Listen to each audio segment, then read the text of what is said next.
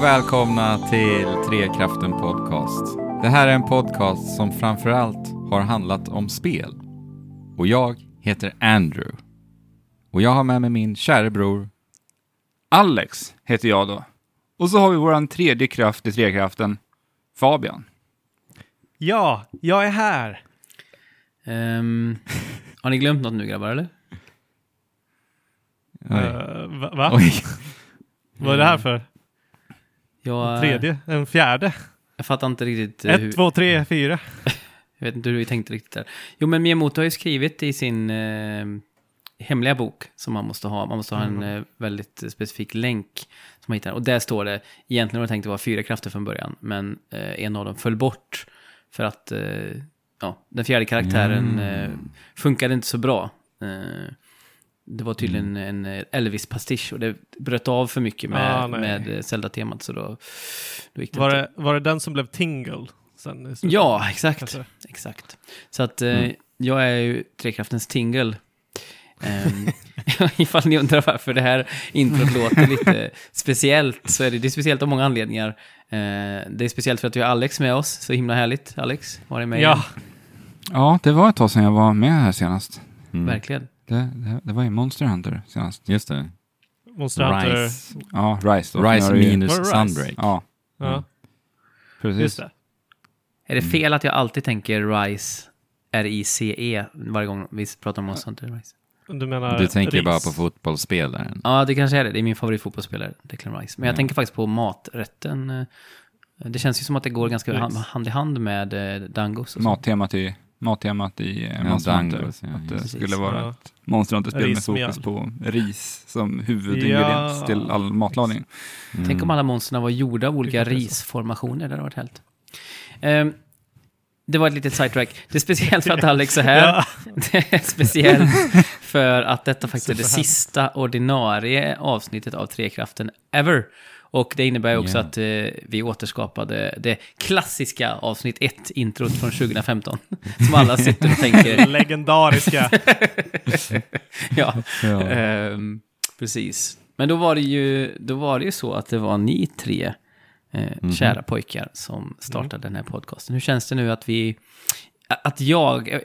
Jag vet inte om ni... Det här spelet, eh, Hades, det är ett eh, litet spel som, som har kommit ut för ett par år sedan. Det, där har man ju den här färjekaren, Caron, eller Sharon, eller hur man ska uttala det, som tar eh, den här promen då över eh, de dödas flod Styx och så i land på andra sidan till efterlivet.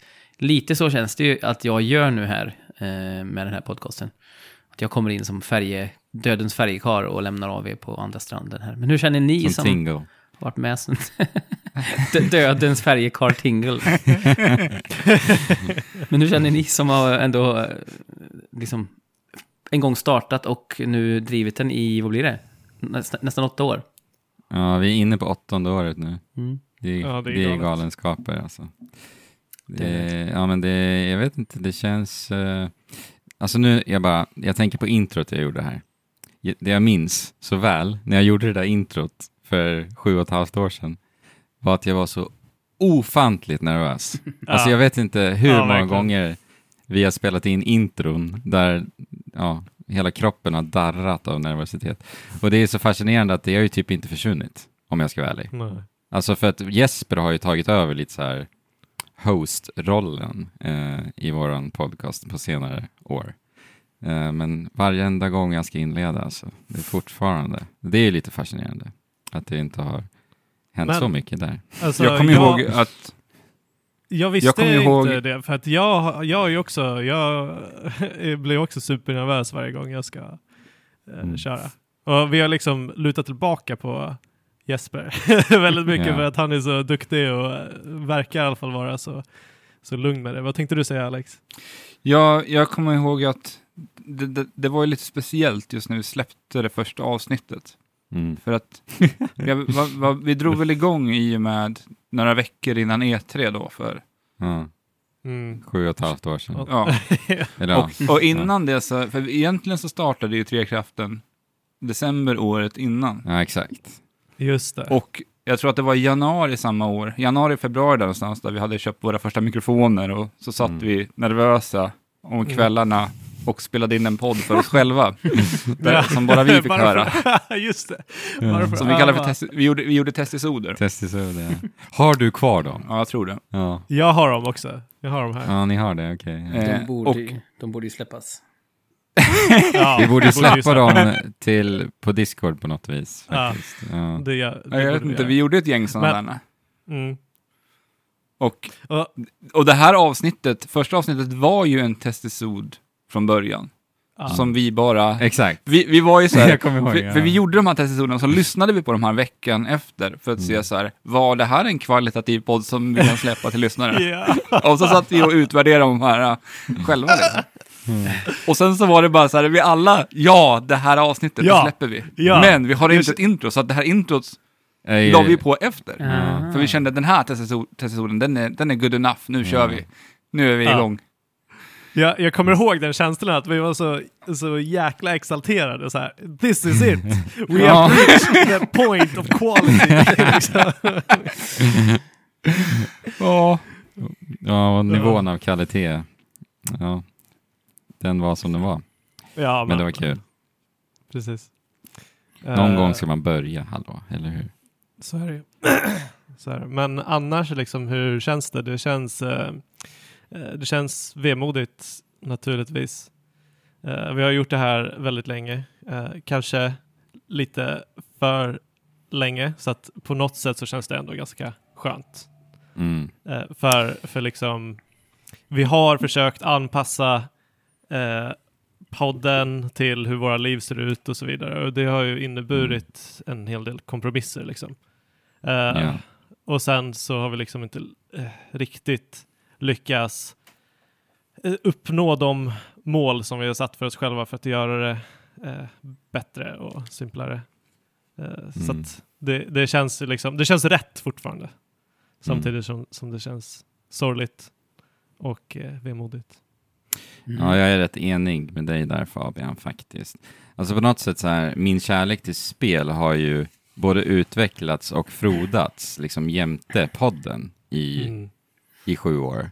Men det är också så intressant när man tittar tillbaka för att mitt kärlek till spel eh, den har också utvecklats på andra sätt och tagit andra vägar liksom längs de här sju Ja. åren. Ja, Och du nu känner game designer nu. Ja, men precis.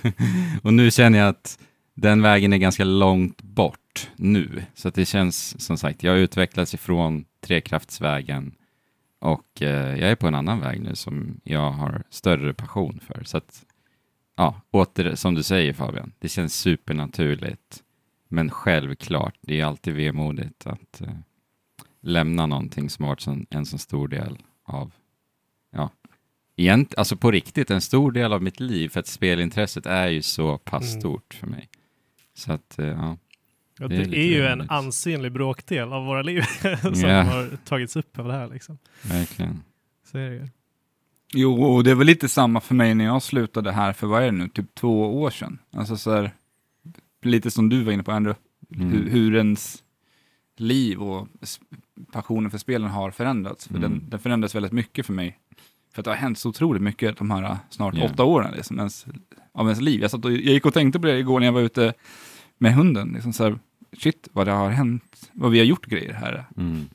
För jag menar, när, när vi startade den här podden, poddar som vi såg upp till var ju liksom, där var ju Jesper med liksom. Så här, det, var ju, det var ju där vi startade. Ja.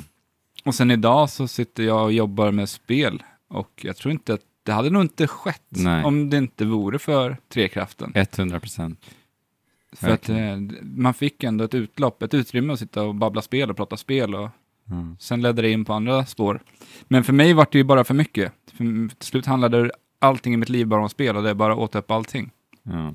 till en nivå när det nästan varit farligt för mig själv. Liksom. Mm. Eh, men eh, nu, eh, nu är jag på en helt annan plats i livet. Och det, det är jättekul att vara tillbaka och babbla lite grann. Det, Mm. jag känner mig bättre än, än någonsin på länge nu. Alltså. Så, jättekul att vara här och prata med er igen. Mm. Detsamma. Så det känns givet att man ska vara med på sista avsnittet. Ja, men självklart. Ja, så att eh, ja, det känns... Eh, hur känns det för dig Jesper? Det skulle jag vilja höra. Nej, men jag ehm, har inte samma, liksom, eh, vad ska vi säga, eh, jag har inte blivit lika nernött av eh, poddandet som, eh, som ni beskriver. Eftersom att ni har hållit på längre. Mm. Så för min del har den liksom traskat på lite grann i ungefär samma eh, takt sen, sen början.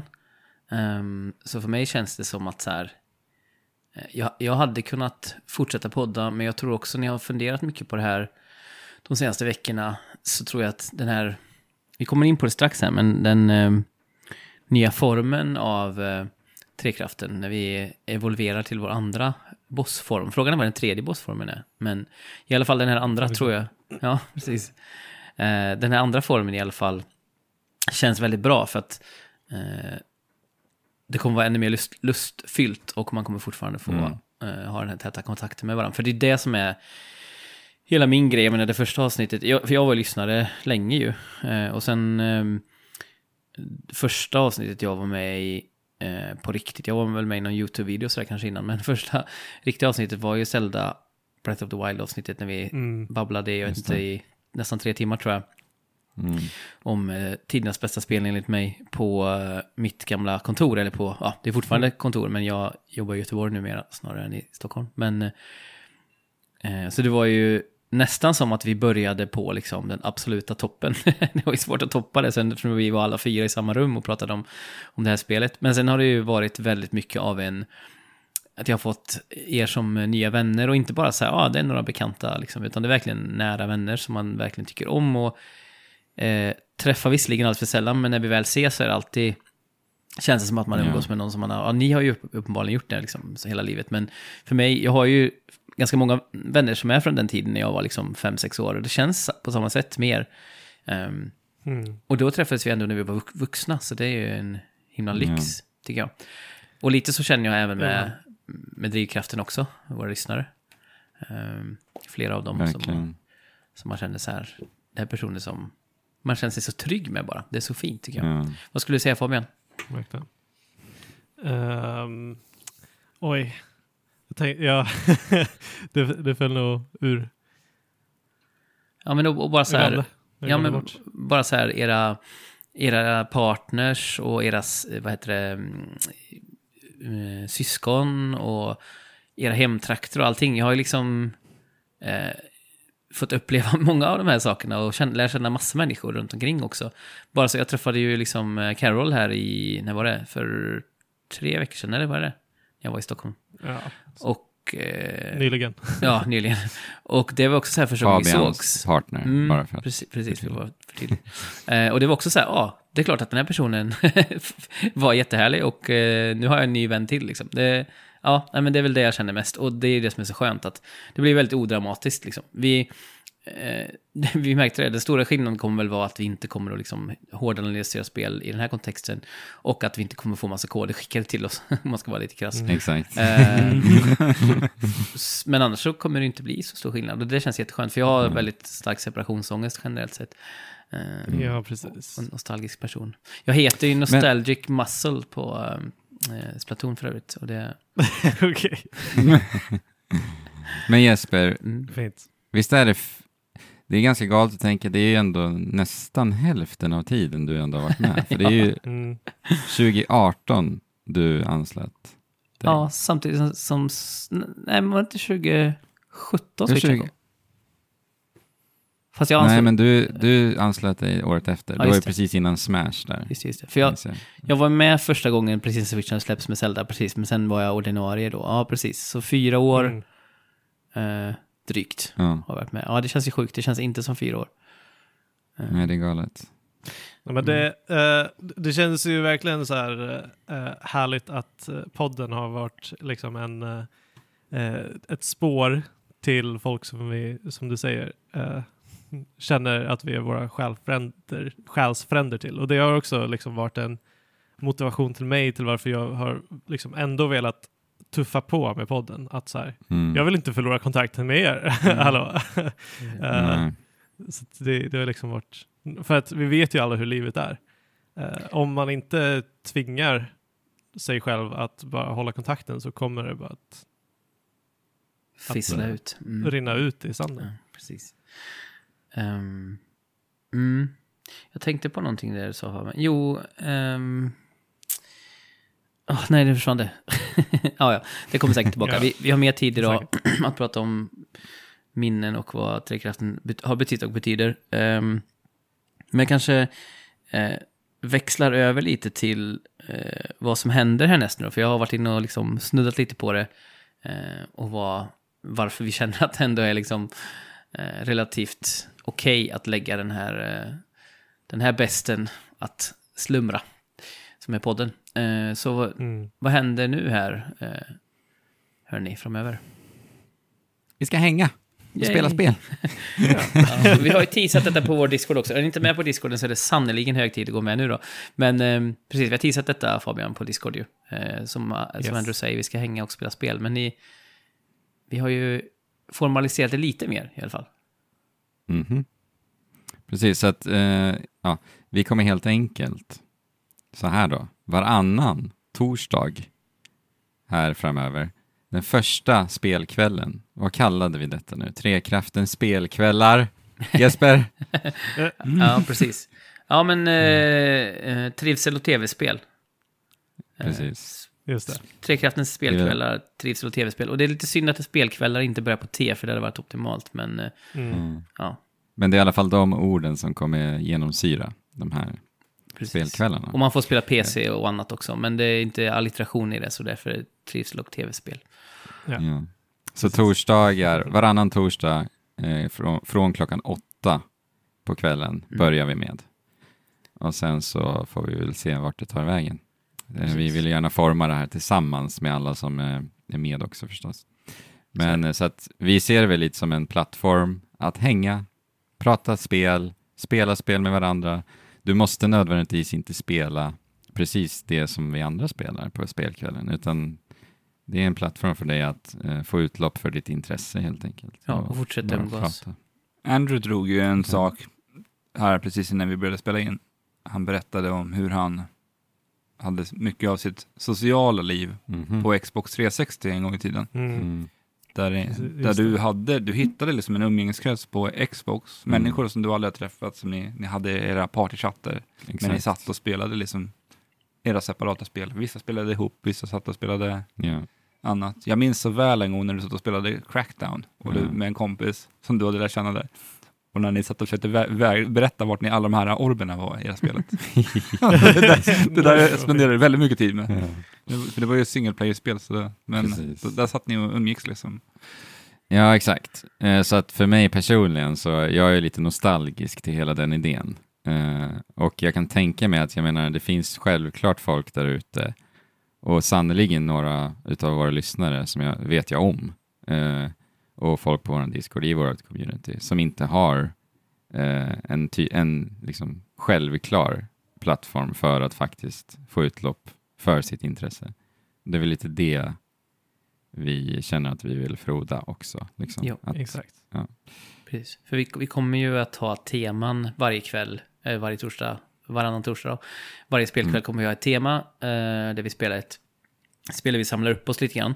Men som, ni, som du sa där, vi kommer också ha en eh, annan chattkanal. Man får ju också hänga såklart i den chattkanalen för eh, och, liksom det centrala bara spelet. vara med i gemenskapen. Ja, precis. Men det finns också, kommer finnas en allmän chattkanal under de här kvällarna där man kan säga, ja ah, men jag tänkte spela Rocket League istället ikväll. Är det någon som hakar på där? Och så får man liksom igång det här och förhoppningsvis kan det också leda till att servern blir ännu mer aktiv och att det kanske arrangeras fler spelkvällar som inte är de officiella trivsel och tv-spelskvällarna. Ehm, så vi får liksom, för nu känner vi väl att vi kan gå in med ännu lite mer kraft och engagemang i, i Discord.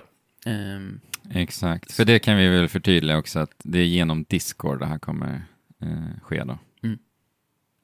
och vi kan väl också säga det lite grann utan att lova allt eh, för hårt att Jag vet vad jag ska säga. Ja, vi kan väl se att eh, de här eh, online-kvällarna, eh, tre och tv-spelskvällarna, liksom blir någon slags eh, säsong, säsongsavsnitt som sen blir en säsongsfinal, där vi faktiskt ses fysiskt och spelar tillsammans också. Eh, så Har vi inte om- sagt det varje Jo, år? jo nu, nu tror jag att vi har arbetat upp utrymme tillräckligt för att göra det här. Och om vi inte får till det i vinter så får vi till det i sommar. Eh, Jag har ju ett ställe här eh, som kyrkan eh, har hand om, där där det finns massa, eh, vad heter det, våningssängar och det finns liksom fiber in och det finns massa bra plats. Så att där borde vi vara ett stort kök också, inte minst. Det är viktigt. Med, man är i trekraftssammanhang alltid maten lite central. Så ehm, Men så här, vi, vi tar oss dit tillsammans Ja. som community, eller hur? Ja. Ja. Exakt. Så, eh, ja precis. Det är det som är tanken. Att vi har ju den här, eh, vad säger man, togetherness, vad heter det på svenska? Den här, ehm, Gemenskap. Gemenskap. just det, tack. den gemenskapen som eh, alltid har varit... Jobbar du också på engelska? ja, den där gemenskapen som har varit eh, en stor nyckel till hela Trekraften. Temat egentligen från första början, den här värmen och gemenskapen. Och den fortsätter bara in nu i den här nya formen. Och vi hoppas ju att så många som möjligt av er som har hängt med, men också ni som kanske hör det här avsnittet som inte är med på Discord, och som kanske inte ens har Discord, och säger ah, men det är ingen plattform som jag är bekant med, men testa, hoppa in. Eh, och se vad du tycker eh, och spela med oss. Och speciellt om du känner att du inte har någon så här given spelgrupp. Det, det kanske låter helt sjukt, men jag har ju lite den grejen. Jag har ju alltid jobbat med spel, haft spel runt omkring mig. Jag har spelat mycket med kompisar såklart när det var liksom mycket offline-spelande. Men under många år, jag har ju alltid så mycket att göra också, så att under många år så har det alltid varit så här, "Ja, men jag har ingen riktigt så här given grupp man bara återkommer till varje vardagskväll och bara, ja men ho- hoppa in i Nej. dem du kan liksom. Nej, Nej, men jag kan inte precis. dem, men imorgon. Så här. Och, och det här har ju varit det, och nu kommer det ändå eh, förstärkas mycket mer, för att vi har inte riktigt haft tid att spela ihop, för det har varit många andra Exakt. måsten, där liksom podden har varit ett För- av dem. Så. Ja, men, alltså, det, det är sant. bara- Alltså, jag har ju växt upp liksom utan att ha, uh, alltså ni är ju de första, de första personer jag lärde känna som liksom har ett genuint spelintresse som jag har haft Mm. sedan jag kunde hålla i en spelkontroll. Liksom. Så det är, det är ju ovanligt Ja, men, eh, kanske.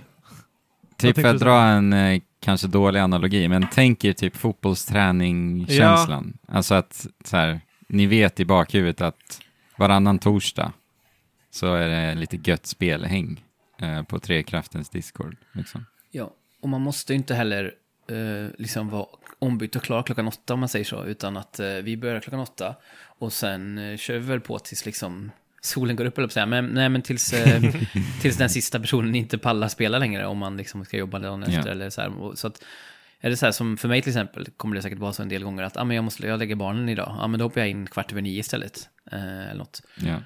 Så känn inte liksom något tvång att det måste vara åtta om det är svårt, utan så här, hoppa in när du kan och vill och kolla läget. Mm. Och hojta i chatten för att det kommer alltid finnas folk som tar emot dig med, med öppna armar. Ehm, Ja, Ja. verkligen. ja, jag fick en fråga häromdagen för någon som hade börjat lyssna på podden nyligen så här, är det grabbigt? Och då var jag så här, ja, alltså vi är ju tre killar som spelar in.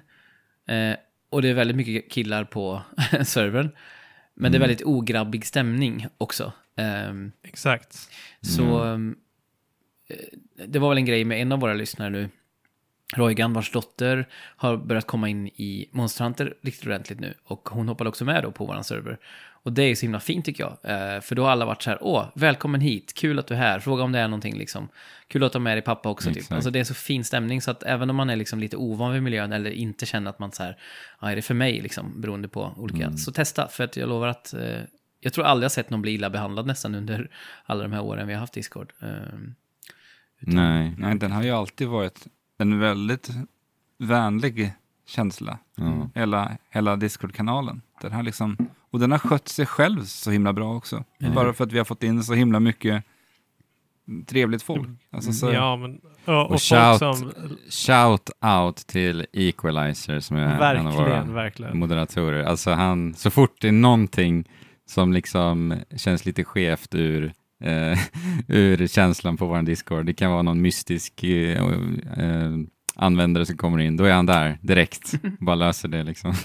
Ja. Och det där är lite kul för han, han, vart, han, han tog ju på sig moderatorrollen lite av sig själv. Det är ju Ja. inte officiellt uttalat att han liksom blev det, men han, han visar sånt en otroligt engagemang på servern Mm, och har liksom gjort det jättebra. Otroligt bra. Mm. Ja, och om det Jag är någon som det- skriver så här, vi skulle behöva ha en sån här kanal. Han bara, bam!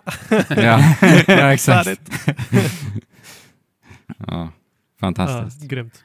Ja. Men det är ju lite lyxigt ändå. Alltså jag kan tänka mig många andra community måste ha ännu mera problem med att skapa en sån här Mm. känsla på en community server.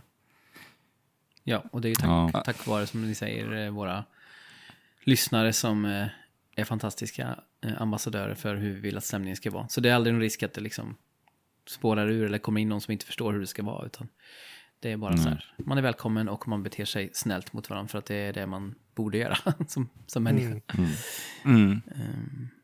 Men eh, ja, på torsdag då, alltså när det här avsnittet släpps eh, så är det då den här torsdagen helt enkelt. Eh, Mm. Om, du, om du lyssnar samma vecka som det släpps, annars är det om två veckor. Men på torsdag, eh, vad ska jag säga, vad har vi för datum bara för att vara tydliga då? Ehm, den eh, 15 va?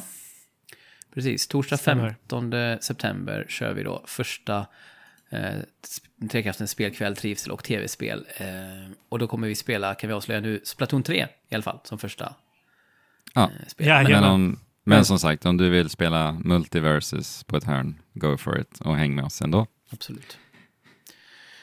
Ja, härligt. Det var, det var en, ehm, ett tungt besked, men också ett glädjande besked. Så det är bra. Nu är vi på plus minus noll igen. Eh, Och... Eh, Men, eh, Jesper, Mm. jag kan bara här, nämna också, eh, vi har ju våra sociala medieplattformar ja, och vi kan väl säga att de kommer nog gå eh, ännu tystare än vad de har gjort tidigare. Men det är i alla fall en plattform för dig att få eller, lite upplysningar om kommande teman på spelkvällar, åtminstone. Så att ja, precis. Mm. Ja, det finns ingen anledning om du är intresserad av vårat, vår nya form att så här, avfölja oss, kan jag säga. Nej, eller tvärtom. Att Utan- börja följa oss ifall du hör detta och inte följer oss. Ja, så har du koll. Precis.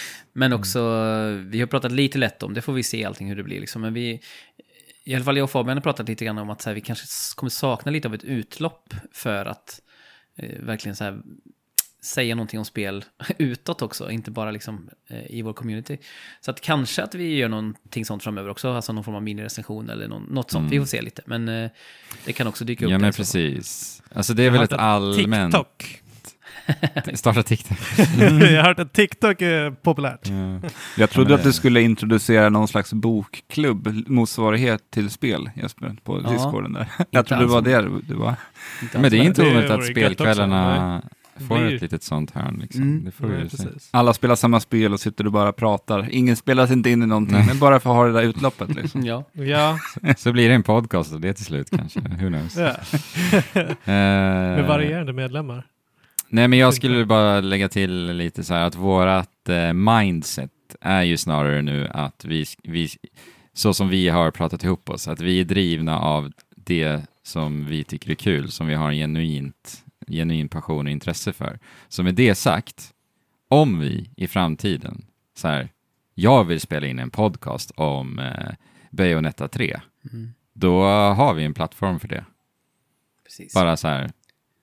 Och det är lite det mindsetet vi har. Liksom att vi har skapat något fantastiskt här i sju och ett halvt år. Och den finns levande i bakgrunden. Men i fokuset skiftar helt enkelt. Och det ska vara Exakt. luststyrt eh, helt och hållet i princip. För det är, Ja. det, det är det som kommer vara hållbart i längden också. Precis, exakt. Mm. På tal om lust då.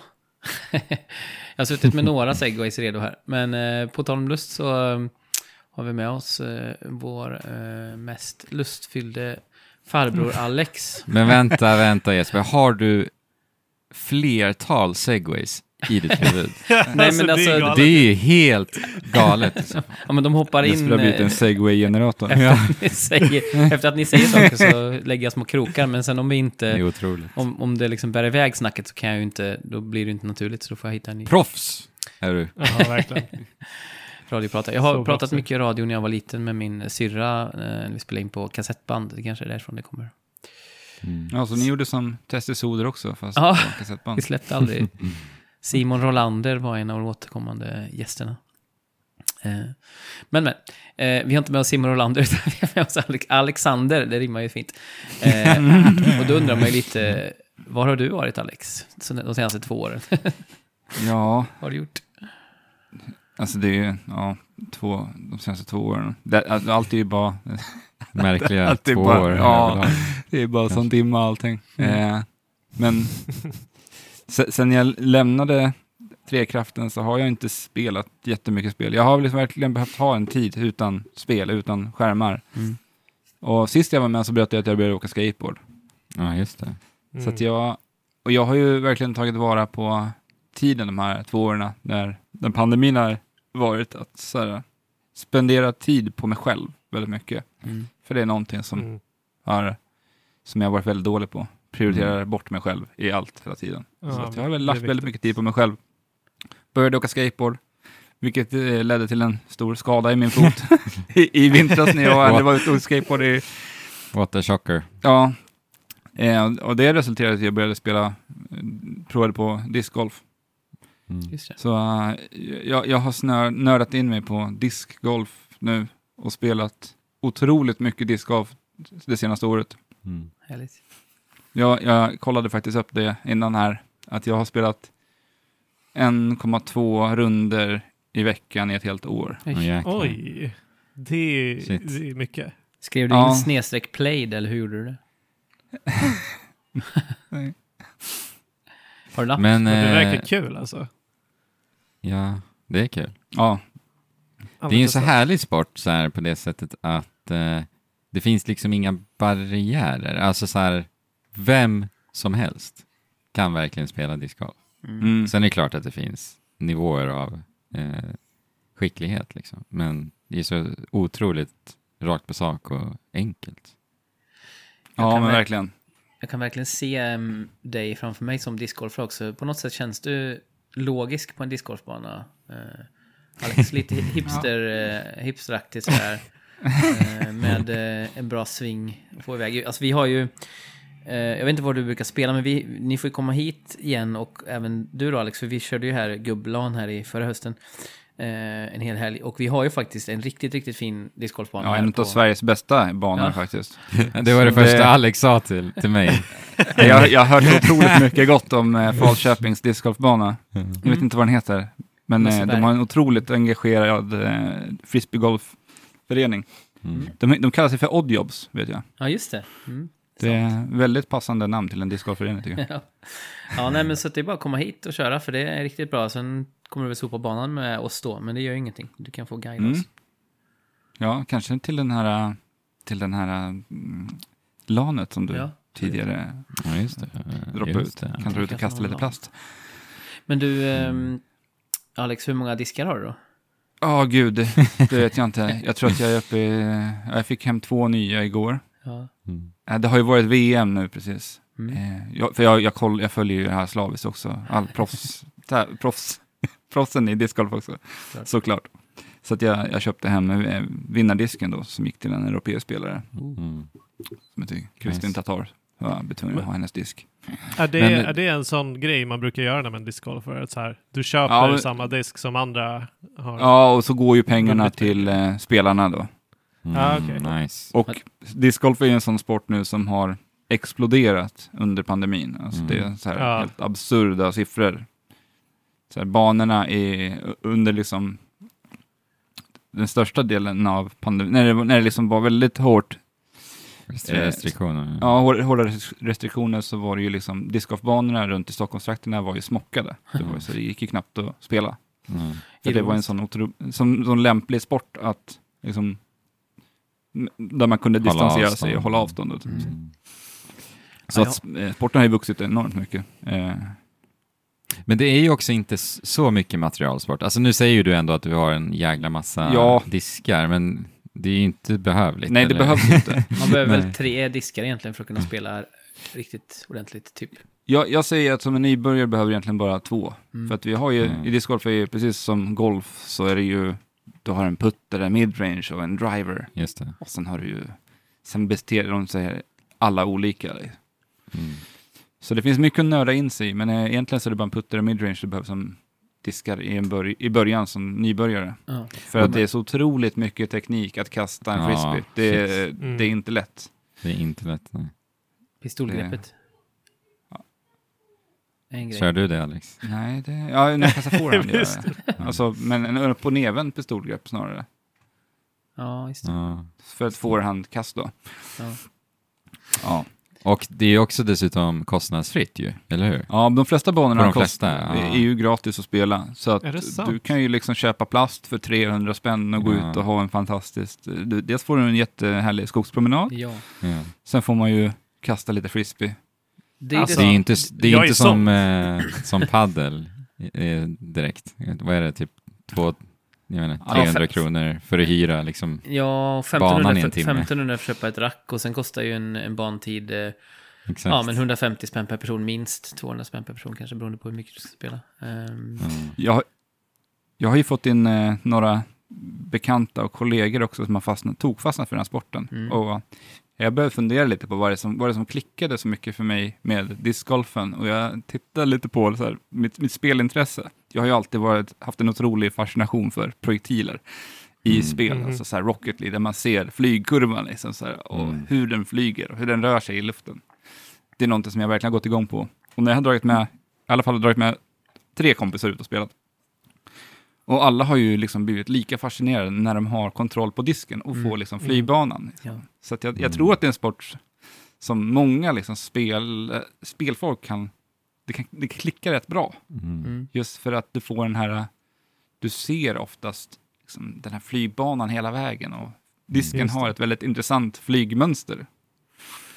Ja, Ja, alltså det är extremt tillfredsställande att, att när man får på ett bra driverkast till exempel, när den bara sticker iväg som en pil och kanske spikrakt om det där man vill ha. Vi har ju... Smeker förbi det träd och Ja, ja, det är så coolt. inte det, inte det klassiska dunk som ofta träffar stammen. Men eh, ja, vi har ju en park utanför oss som är rätt stor, rätt lång liksom. Och där för ett par år sedan, ett par somrar sedan så körde vi för min, vad blir det, svåger är också jätteinsnöad. Nu har han fått två småbarn nyss, så han hinner inte spela så mycket, men, men han bor i Söderhamn, de har också jättebra bana där. Ehm, och då körde vi i flera timmar, vi bara stod och kastade till varandra med svärföräldrarna och eh, ja, vi då allihopa, barnen och så. Eh, så vi, vi har ju spelat, jag har spelat jättemycket discgolf faktiskt de senaste 5-6 åren, även när vi bodde i Stockholm har jag spelat mycket. Eh, men vi har inte pratat om det så mycket, men det är verkligen fantastiskt som du säger. Man får både skogen och sporten och umgänget samtidigt. Exakt. Mm, det, Ja. det är så mycket gött du får samtidigt. Mm. Ja, Ta discgolf. med sig lite kaffe, Mm. ta en liten fika. Ta lite. Ja. Alltså, nej, men jag är såld. Ja, men, eh, Jag måste dra ut. Kom hit vid första bästa tillfälle så kör vi en höstrunda på Mösseberg. Det låter ju underbart Ja, jag. Mösseberg är det. Jag har hört så mycket fint om den. Ja, det Ja. får vi göra. Den ligger fint också. Fikat. Jag råkade ju... Jag var ju intresserad av en tjej när jag gick i gymnasiet, som vi kanske alla var. Och då, eh, det var strax innan jag träffade Elin. Eh, och jag verkligen så här var lite okaraktäristiskt eh, liksom på då och så här ringde och bara, "Ah, kan vi bli ihop typ? Så här, ja, men ungefär så. Eh, Jesper. och sen så, många år senare, det var ju bara kanske sju, åtta år sedan, så satt hon då på Mösseberg, på det här berget, med sin pojkvän som hon också var lite så här back and forth med då. Så mitt mål var ju liksom att så här, ja men om hon inte vill vara tillsammans med honom, då kan jag kanske få vara tillsammans med henne. Men sen höll det mellan dem, då blir det inget, då blir det inget mellan oss. Eh, och det var väl kanske bra liksom, de är ju tillsammans fortfarande, har barn och grejer, så det är säkert bra. Men de satt i alla fall på en, på en bänk med utsikt, det är ju ett berg som har utsikt över stan liksom. Eh, och vi, vår, vår liksom tid där vi kastade ut ifrån var liksom, ja men rakt framåt så att säga. Och de satt eh, klockan tre, sett från oss då, om man säger. Eh, och jag ska kasta det klockan tolv, rakt fram. eh, men lyckas på något märkligt vis. Jag vet inte om det var någon form av så här undermedveten grej, men det var absolut inte medvetet. Jag lyckas släppa disken jättesent, så att den liksom drar iväg åt höger istället. Eh, Flyger säkert, jag vet inte vad, 60 meter kanske. Träffar honom klockrent i bakhuvudet. Nej. Och det var ångest alltså. Ugh. Och det var verkligen den känslan. Tror hon nu Perfekt. att jag siktar på honom? Och, Eller, och discgolfdiskar är ju inte lätta heller. De gör Nej. ju... så det gick bra som Känns tur var. Det gick jättebra Stor skada. Det var tur. Ja, Det nej, som hände dig Jesper kallas i discgolftermer en griplock. Ja, just det. Mm. Så Det kanske var att jag kände liksom den här ilskan fortfarande, så att jag greppade Ja. disken för ja, hårt. du, du, ja, du släppte, ville inte släppa den. Nej. Men nu, jag lever i ett lyckligt förhållande och två egna barn, så det, det är inget problem. Men, det kanske blir en discgolfpodd Förlorad det, kärlek. det kanske det, det blir. Vi märker att vi har passion dis, discgolf istället. Men Alex, du har faktiskt, vi, vi ska prata lite om spel idag också, hör och häpna. Du har faktiskt spelat ett discgolfspel också för att förlänga detta in i det digitala. Ja, Till och med. det, det gör man ju så ofta. När man är inne i liksom, en sport väldigt mycket så får man ju inte nog. Alltså, så där var det ju när man var yngre, man spelade fotboll. Man fick inte nog. Så när man kom hem och slutade spela fotboll så spelade man ju digital fotboll. Precis. Och lika Mm. med skateboarden och allt som Tony Hawk gjorde för en i uppväxten. Mm. Eh, så då, då har jag ju såklart spelat ett litet discgolfspel på mobil som heter Disc Golf Valley. Som, eh, ja, det, jag tror att, oh, det är gratis till telefon, finns på Steam också. Kostar Mm. en typ 5 euro eller något sånt. Disc Golf Valley, sa du det? Ja, Mm. och det är, jag, jag, jag vill minnas att det är en svensk studio som heter Spinoff som har gjort det här spelet i samarbete med en av de stora discgolftillverkarna, Latitude 64, som Mm. som håller hus uppe i Skellefteå. Och de har byggt det här lilla spelet som inte ser mycket ut för världen. Det är ganska så avskalat och minimalistiskt. Men det de har lyckats med otroligt bra är att fånga hur olika diskar och deras olika flygegenskaper. För Mm. man har liksom diskar som, som bara vill svänga vänster på, en, på en, ett backhandkast. Liksom. Och det är det här vi pratade om tidigare, när vi pratade om diskar, för att alla olika diskar har väldigt olika beteenden. Så att om du, om du kastar en högerhänt backhand så vill disken alltid, när den får slut på spinn, så vill den vika ner mot vänster. Mm. Mm. Så att man får liksom som, en, som ett J nästan i flygbanan då. Mm. Sen finns det då, och det kallas för att en disk är överstabil. Den vill dyka på slutet, när den dyker mer. Och sen har man diskar som är understabila. De kommer att få den här, ni har säkert kastat frisbee och man får den här S-kurvan på disken. Så liksom, Mm. det, den flyger först till höger och sen så dyker den till vänster, så att det blir som att den flyger ett S. Och det här har de lyckats fånga otroligt bra i det här spelet, så att det hjälpte mig faktiskt i början när jag började med discgolf att förstå Mhm. understabilitet och överstabilitet Mm. Ah, och hur jag ska tänka att kasta disken i olika vindar Just det. och hur, alltså hur, hur man ska släppa vinkeln på disken för att liksom se till att den, den håller sig på banan. Mm. Så att Där. det har, liksom, det har liksom varit ett komplement till ditt IRL-spelande. Jo, till det är en, riktigt coolt ju. inledningsvis så var det ju det. Alltså jag, jag förstod ju bättre hur jag ska tänka. Coolt. Eh, jag tycker det är ett fantastiskt bra golfspel. Så att, alltså, så- Ja, är det likt liksom ett digitalt golfspel? Ja, det är bara att de har försökt att ändra lite kontroller så att istället för att du har i, i vanliga golfspel så har man ju alltid den här mätaren. Man, man först siktar in och sen trycker man och så går man upp en mätare som avgör hastigheten. Ja. Här har du ju liksom som en en, eh, vad heter det, halvcirkel liksom, nedanför Mhm, siktet där mm. du får dra en, dra en liten markör ner till höger eller vänster och avgörande kraft Okej. då som representerar, för den är liksom uppstyckad den här halvcirkeln då. Mm. Och sen så bara släpper man disken för att Mm. man ska försöka fånga, för att försöka skilja på golfen och discgolfen, för att det är väldigt olika. Mm. Så det är typ positionering och kraft i samma interaktion? Ja, precis, hur du vill vinkla disken. Ja. Det är det som avgör, så här, lägger man den, vink, drar man markören ner mot höger så kommer man ju Ja. vinkla disken lika, Exakt, likvärdigt liksom. Ja.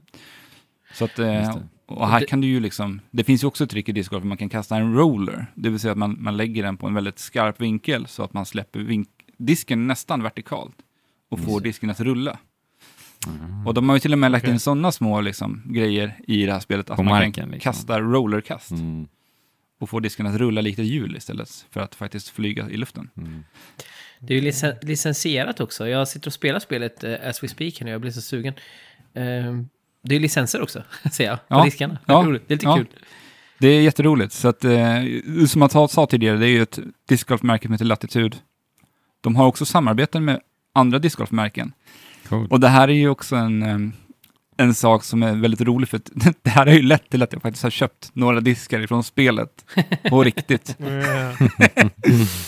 Nice. Och eh, sen har de ju också, de har ju så här, på mobilvarianten så har de ju en, en butik där du kan köpa liksom så här signaturdiskar för riktiga spelare. Mm. Så att när en stor spelare som, som min favorit, Simon Lesoth, som han heter, när han släpper sin nya signaturdisk så finns den ju att köpa i spelet också. Och det fina med det här är att pengarna de tar in ifrån signaturdiskarna i spelet går också till spelarna Mm. Direkt. Så Nice. man kan liksom hjälpa finansiera deras karriärer Coolt. så att de kan fortsätta med discgolfen. För det är fortfarande en väldigt ny sport som eh, inte alla kan liksom livnära sig på ännu fullt ut. Men Mm. jag menar, kommer det fortsätta växa i den här takten så kommer vi nog se sporten växa enormt mycket de kommande åren. Mm. Coolt. Eh, Du ska ju till och med delvis designa en bana, eller du ska i alla fall vara... jag ska vara med, vi håller på att jobba för att anlägga en bana här Mm. i kommunen. Okej. Precis. Så Ooh, vi ska kunna spela. Ja, vi har fått en yta på runt eh, 15 hektar som vi håller på att jobba med. Så Mm. jäkla nice. Nice. Är, det Så kommunen alltså kunna- som ni pratar med, eller? Ja, och sen har vi, har vi startat igång en discgolfklubb nu också. Så Vad heter den? den heter Trosa Vagnhärad discgolfklubb. Nice. Så TVD. enkelt. Mm. Mm. Inte lika bra som Oddjobs dock. Men Natalia.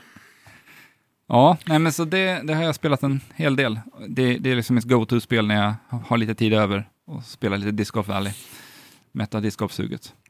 Ja, verkligen. nice. Så Eh, ja, och vi vet ju alla Fabians relation till insekter. Han vill ju gärna Var nära dem.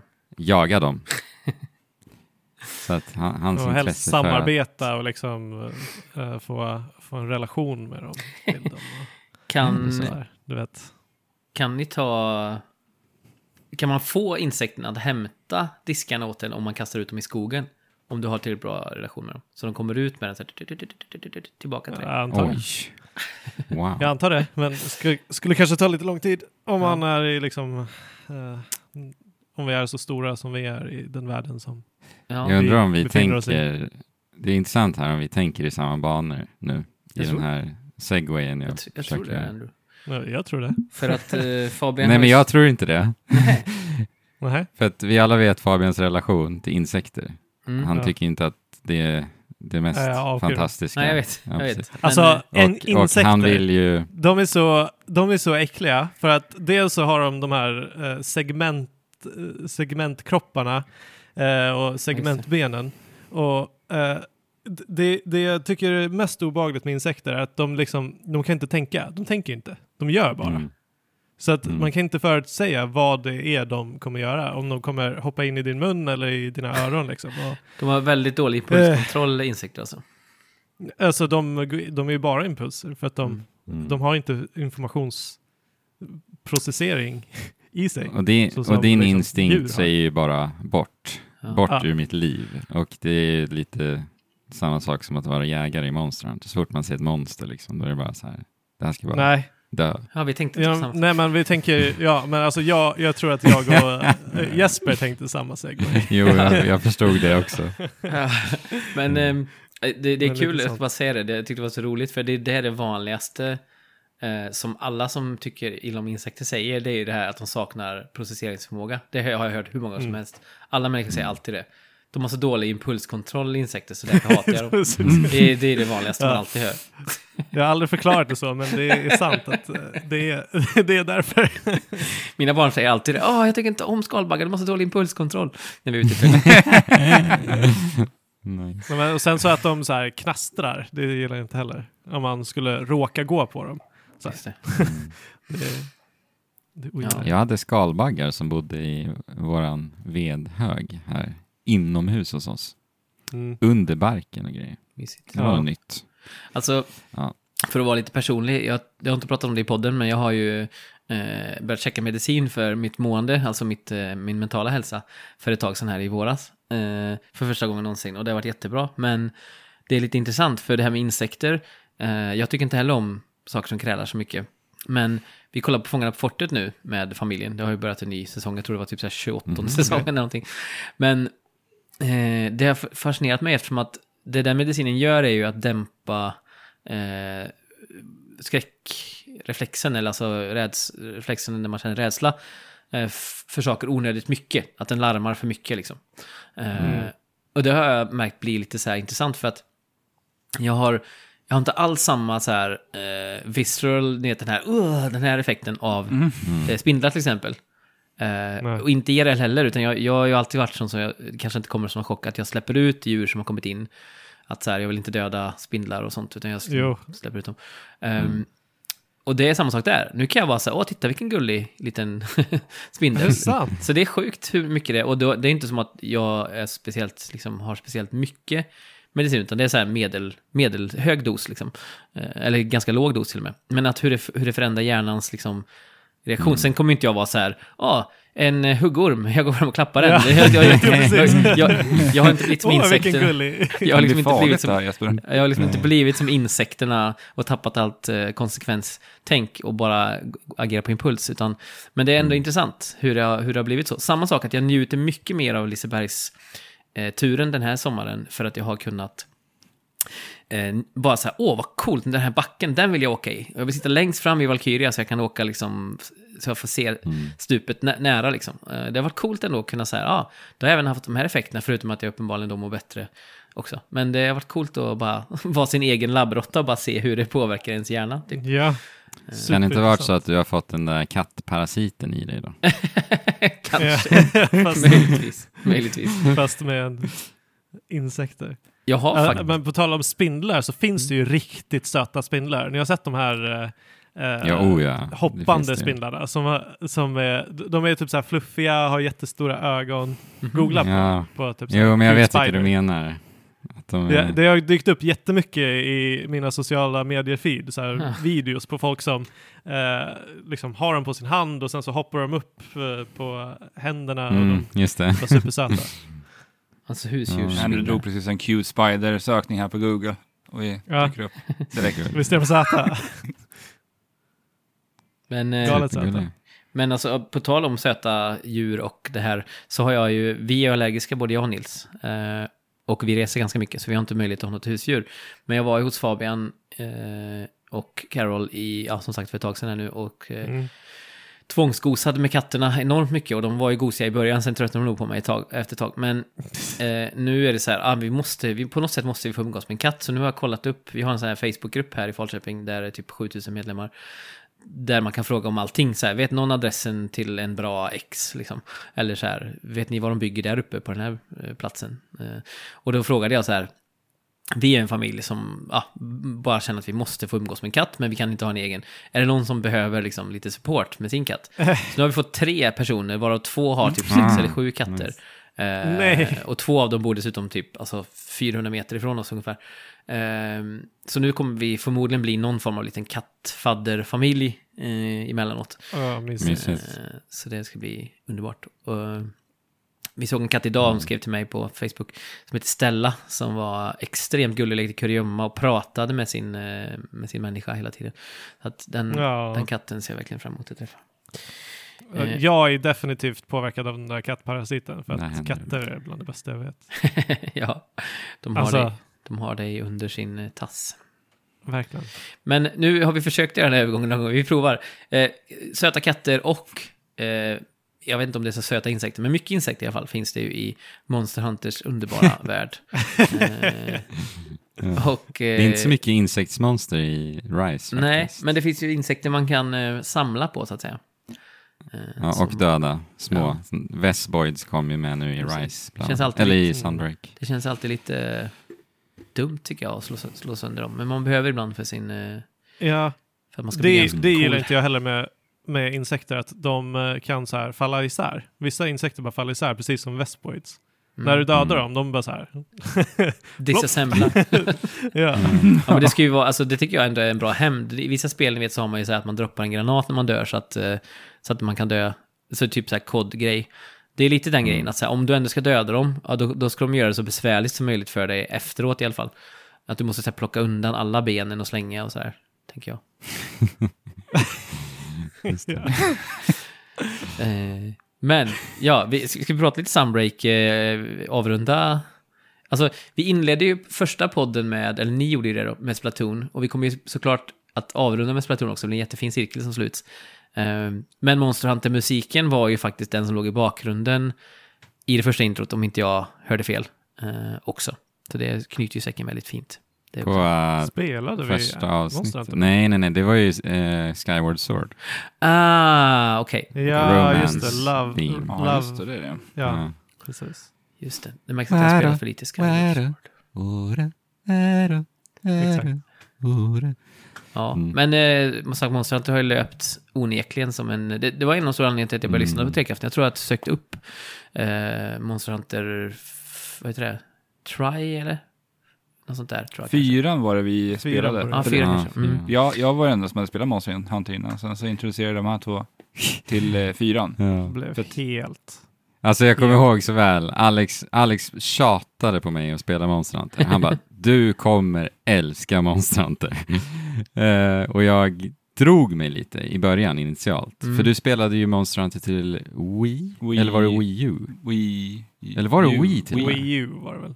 Ja, jag kommer inte ihåg om det var Wii eller Wii U, för de släppte ju båda. Exakt, för Try. jag, jag för mig faktiskt att du köpte det till Wii också. Ja, det kan ha varit så. Mm.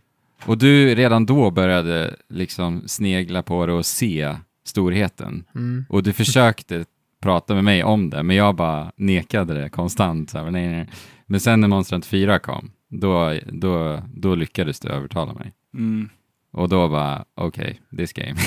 Jo, men de gjorde så otroligt mycket förbättringar till fyran. Så ja. Från trean. Trean var ganska staplig och jämfört med hur Monster Hunter är idag. mm. Jag är fasen sugen på att spela trean alltså. För jag älskar den här spelserien så mycket. Det finns ju till eh, 3DS också. Ja. Ja. Har du kvar det till Wii U? det tror jag. Ja. Hmm. Eller Wii, vad det nu är. Eller var det Wii? Ja, precis. Ja.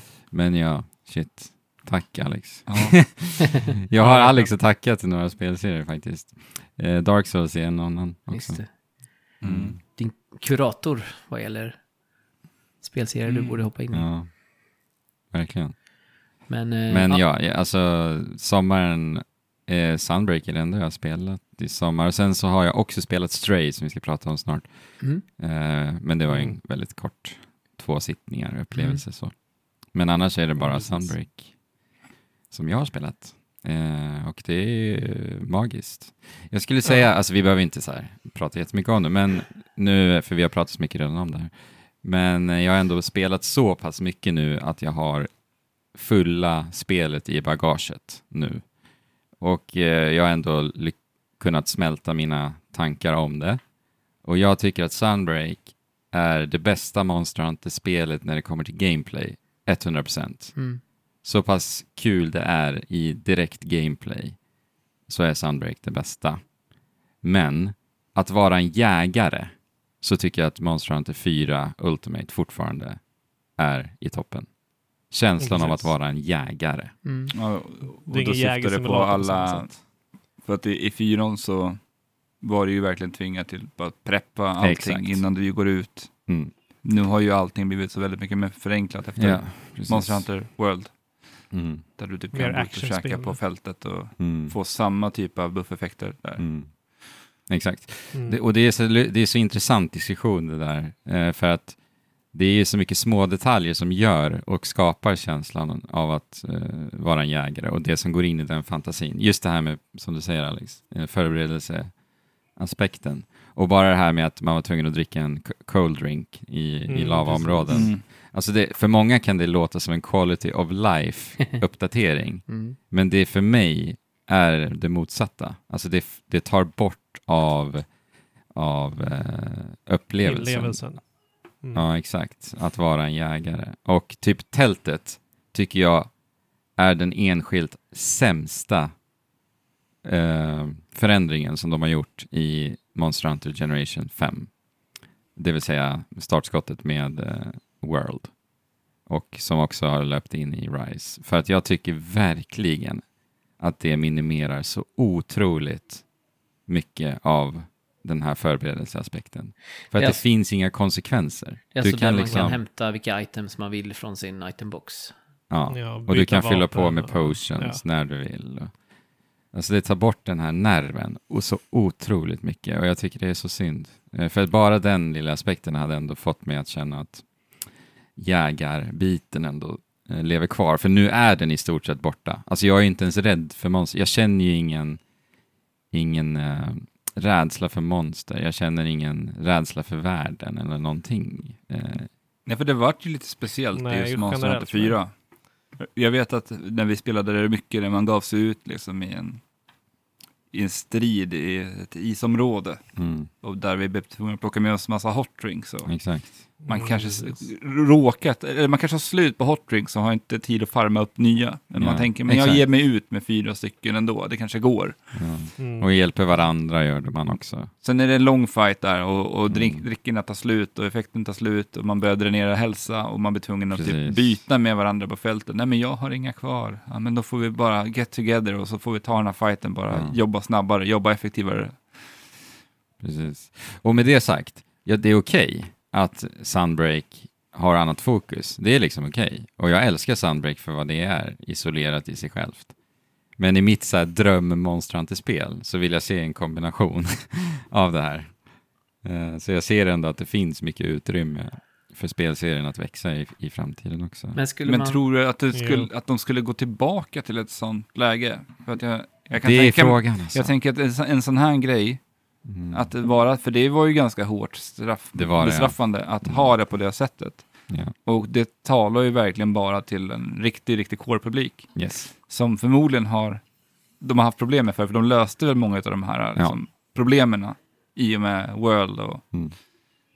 Precis, ja men det är ju så. Det är datadrivna beslut lite som Mm. har förstört och tagit bort lite av jägaraspekten. Men det, alltså det, det är, jag tycker det är intressant för att de skulle potentiellt kunna göra ett så här veteranläge, liksom, i ja, det hade varit en grej. Ja, där de tillfredsställer gamla veteraner som saknar detta och samtidigt har en... Det mer som blir ett hardcore-läge liksom. Ja, exakt. För, Mm. Per, Ja. Permadeath också. Eller hur? får inte dö en enda gång. satt, du hade satt skräck i er. Mm. Får börja om Bra. allt. Allt gear är borta om man dör. Åh nej, allt gear också. Men, eh, ja, men det är väl egentligen inte så dumt. Alltså det är väl ganska tydligt också att så här, ja, det har sålt otroligt mycket mer än vad det, de tidigare spelen Ja. har gjort i och med mainstreamifieringen. Um, sen behöver inte marknadskrafter alltid styra, men eh, kan man hitta balansen däremellan, som ni säger där, Mm. bara ha en switch där så här, ja, jag får inte ha tältet, jag får inte ha, man kanske till och med ska ha så här, Precis. Paintball-grejen, att man måste spåra monstren Mm. lite mer och så. Mm. Eh, för i, Exakt. i World så började de ju med de här eh, färgade, vad heter de? Eh, Scoutfly. Precis, Scoutflies. Och nu ser man ju bara monstren rakt av på kartan direkt. Oavsett Mm. om man har hittat monstret eller förut. För det är ju bara ett frågetecken så förstår man, aha, det är det enda monster jag inte har Mm. sett. Det måste ju vara frågetecknet jag ska till. Ja, för det där var ju en skill, vet jag, i Monster Hunter 4. Att kunna Mm. spotta Ja, monstren direkt. precis. Så det, blir, det var en armor skill. Eller vinka till luftballongen. Ja, just Just det. Så Ja, charmigt. Ja. Det är också lite kul om man skulle lära sig vart monstret tycker om att vara. Alltså så här, det här är ett monster som är lite vattenbaserat. Ja, då Ja, håller det till vid, vid stranden förmodligen. Ehm, Det var ju lite så det var i Monster Hunter 4. Men Monster Hunter 4 Ja, de var ju sina... Precis. det, det, man kunde ju se igenom det där ganska snabbt. Visst, Mm. Eftersom de hade de här uppstyckade områdena i det spelet. Ketchawacha som hängde i Leon-området Ja. där. Mm. Ja, alltså jag tror ändå typ att Monster Hunter i framtiden skulle kunna gå lite mer äventyrseskt och lite mer öppen värld. Men problemet är att, eller inte ett problem, men eh, utmaningen är dock att fortfarande behålla den här loopen eh, att jaga. Men det skulle vara intressant att se om de typ gör första delen av spelet som ett äventyr. Sen när du kommer till the endgame, då kommer den här klassiska Monster Hunter-loopen, att du bara går ut och jagar monster. För det finns mycket potential, tror jag, i ett så här open world Monster Hunter, där du, eh, eller om vi kallar det open air då, för att förtydliga att jag inte Precis. menar ett Assassin's Creed Monster utan mera utforska-drivet eh, open world-spel. Men det är intressant det Mm. du säger för att egentligen, det har jag inte tänkt så mycket på förut, men egentligen så är ju Monster Hunter bara endgame. alltså det är Ja, många andra exakt. spel Det är där det. man kommer in i grinden när man vill liksom, ja men typ Ja. Destiny eller andra spel där man kör lite samma content många gånger för att hitta loot drops och så. Det är ju det det är egentligen, så att det skulle ju Ja. Kunna absolut vara typ som en tutorial där man kör igenom en kort, ett kort liksom open world äventyr eh, Ja, till exempel och sen exakt. går in i själva endgamet. Det hade ju varit häftigt att så här, röra sig fritt i en öppen värld. Sen kommer du till så här, ökenområdet. Så långt bort i horisonten så ser du att det är något monster som rör sig liksom under sanden. Och Ja, att det blir den här Kommer upptäckar... Diablos upp. Exakt. De gjorde en film på det tror jag. Det kanske kunde vara något att gå Utgå ifrån det. Det är väl därifrån det kommer från början, monstret, från eh, filmlicensen. Just det. Det är det. Jag har ju bytt eh, nu eh, lite grann och testat lite nytt. Jag har ju spelat Glaive i 100 timmar typ. Eh, vilket inte är jättemycket ändå i Monster Hunter, men för mig är det ganska mycket. Det är ju först, det, är det första Monster Hunter-spelet. Ni hade ju som mission att frälsa mig ordentligt nu med eh, Rise, Sunbreak. Mm. Och det har jag ju onekligen blivit. Jag känner, nu identifierar jag mig som en Monster Hunter-spelare, vilket jag inte gjorde förut. Ehm, Yes. jag spelade i Monster Hunter World i 80 timmar, men jag kände aldrig riktigt att jag liksom fattade helt ut grejen. Men nu gör jag det. Och det är jättehärligt. För att nu kan jag se fram emot varenda Monster Hunter-spel som ska komma ut i framtiden. Bara, åh vad gött jag kommer Mm. få upptäcka igen tillsammans med er och sådär. Det känns skitkul. Och eh, då, nu har jag liksom bytt då. Jag är ju sån här trygghetsnarkoman, men nu har jag bytt från Glaven, som i sig var ett stort steg, från Great Sword som jag körde innan.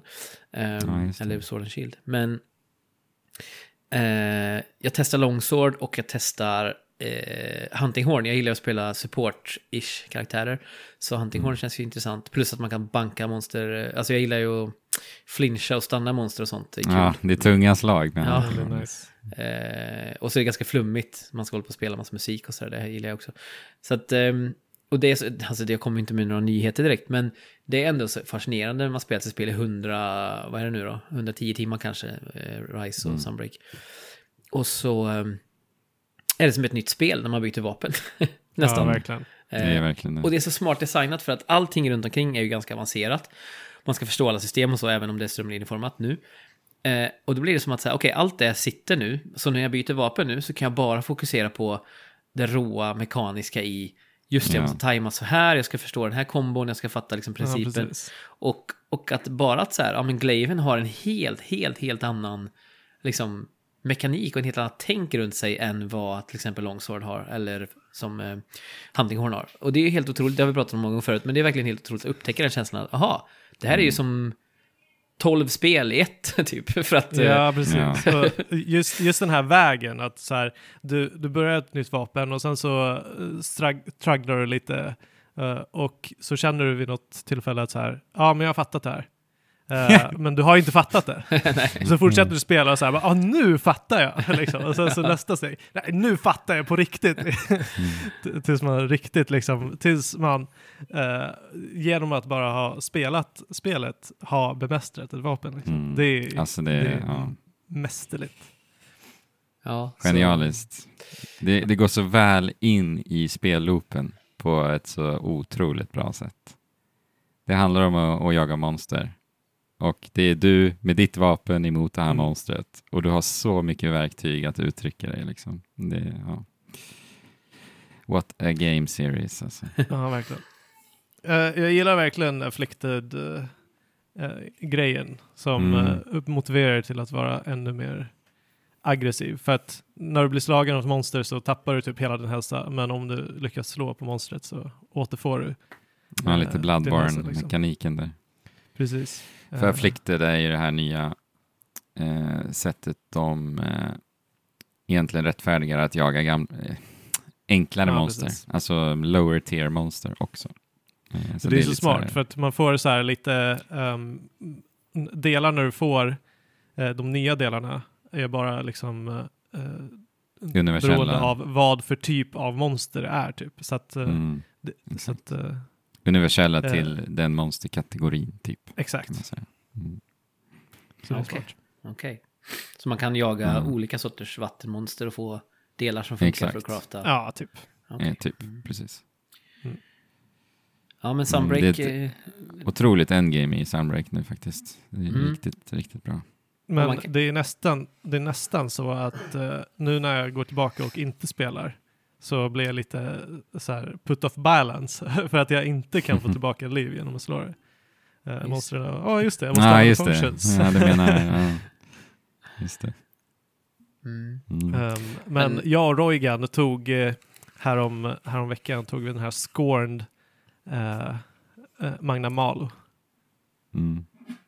Och eh, shit, där fick jag verkligen känslan av att eh, jag är rädd under hela jakten typ. Mm. Eh, och eh, det bara sprängs överallt och det är så cinematiskt och actionfyllt.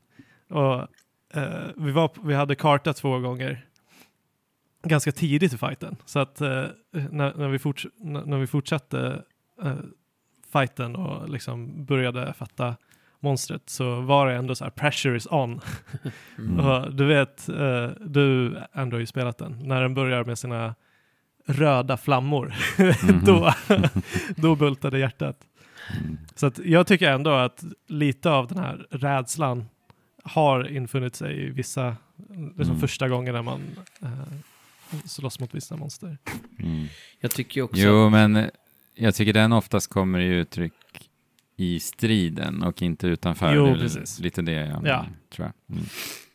Men Det eh, Magna Malo är ju också ett riktigt bra monster tycker jag. Eh, Alltså är- Magna Malo är magiskt bra. Jag, jag vet inte hur många gånger jag har spöat Magna Malo. Det är lätt 100 plus gånger.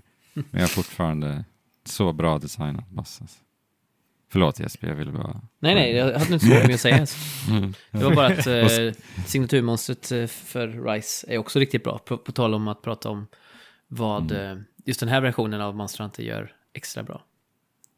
Mm. Men med det sagt så saknar jag ju Tony Tuna ute på jakt. Ja, det, är- det är ju alltså min, min Monster Hunter, mitt Monster Hunter alter ego. Mm. Med din Tetsukabra full gear kommer jag ihåg. Ja, det är Monster Hunter. Fyra. Ja, Mm. Tetsukabra är ett monster jag saknar alltså. Jäklar, den Tetsu. rackaren vill jag se. Vad är det Ja. för eh, monster? Det är typ en padda. Ja. Skulle man ja med, eh, med horn va, från munnen va? Ja, exakt. ett vildsvin. Exakt. Mm. Vildsvinspadda. Och blåser upp sig och... Nej, Tetsukabra gör inte det. Det är Samtiros ju. Mm. Samtiros är jäkligt cool också för övrigt. Ja, Mm. verkligen. Som blåser upp sig. och är Mm. Jäkligt wonky monster. Mm. ja. ja, men eh, nog om Monster Hunter. Vi sa så här, vi pratar inte så mycket om Monster Hunter. men det är ju ändå sista avsnittet och det är ett av de spelen som eh, ändå har drivit den här podcasten ganska mycket. Vi har ju haft väldigt eh, Ja. mycket Alltså, fokus jag satt på... och tänkte på det. Alltså shit vad det har kommit mycket Monster Hunter-spel Ja. när vi har haft Ja. den här, när, så länge den här podden har levt. ja. Så vi har täckt fyra Generations. Generations, Generations Ultimate, Ja, just ja, Iceborne World, Sunbr- äh, Rise och Sunbreak. och sen Stories också. Och sen Stories, ja just det. Ja. Det är ju På- vissa på, det är vissa på Discord som eh, blir lite så här eh, irriterade när det kommer ett nytt Monster Hunter. För att, för att de som går in i psykos, de går verkligen in i Monster Hunter psykos. Så Mm. bryr sig inte om någonting annat. Ja, världen av stod lite still. På Discord. Mm. Verkligen. Men ja, vi är till och med, en systerpodd föddes ju till och med ur det här starka intresset Monster i Pep, Monsterpepp. Mm. Pajlen måste och vi- Konrad. Ja, otroligt roligt att se eh, att den också fick frodas och leva vid sidan av. Vi gjorde väl till och med ett samarbete med svenska... Med Capcom ja. Capcom, ja, Ja. precis. Ja, Ja. vi gjorde det. Till Men World. Innan World. Ja. MI5, min gamla arbetsplats. Mm. Ja. Och vi spelade det på förhand två gånger, faktiskt. Jag och Fabian spelade på Gamescom och sen så åkte vi ju på en förhandsvisning i. Stockholm och spelade det också. Där ni fick ett matlagningskit. Ja, precis. Ja, jag just har det. jag också. Mm. Eh, det här har jag sagt förut, men det är ju en statshemlighet eftersom att Bethesda betalade min lön under en period när jag jobbade på MI5. Men jag fuskade ju en enda gång eh, och jobbade för just Capcom. Fast det var ju, jag gjorde det genom min eh, målvakt Linn då, som jobbar på MI5. Mm. För att jag Mm, fick ju inte, Linn. som sagt, jag fick inte betalt av Capcom. Men jag fick ändå eh, jobba lite med Monster Hunter, vad kan det ha varit då? Det var nog inför World faktiskt, tror jag. Ja, det det måste det varit. ja, det måste Det vara var det. World. där jag skulle komma på lite PR-event-idéer. Så att jag kan ju faktiskt säga att jag har jobbat med Monster Hunter. Wow! Pitte, pitte, Nice. pitte. Wow! Det kan inte jag Så säga. coolt. Det kommer. Det blir en Toka crossover med eh, stories.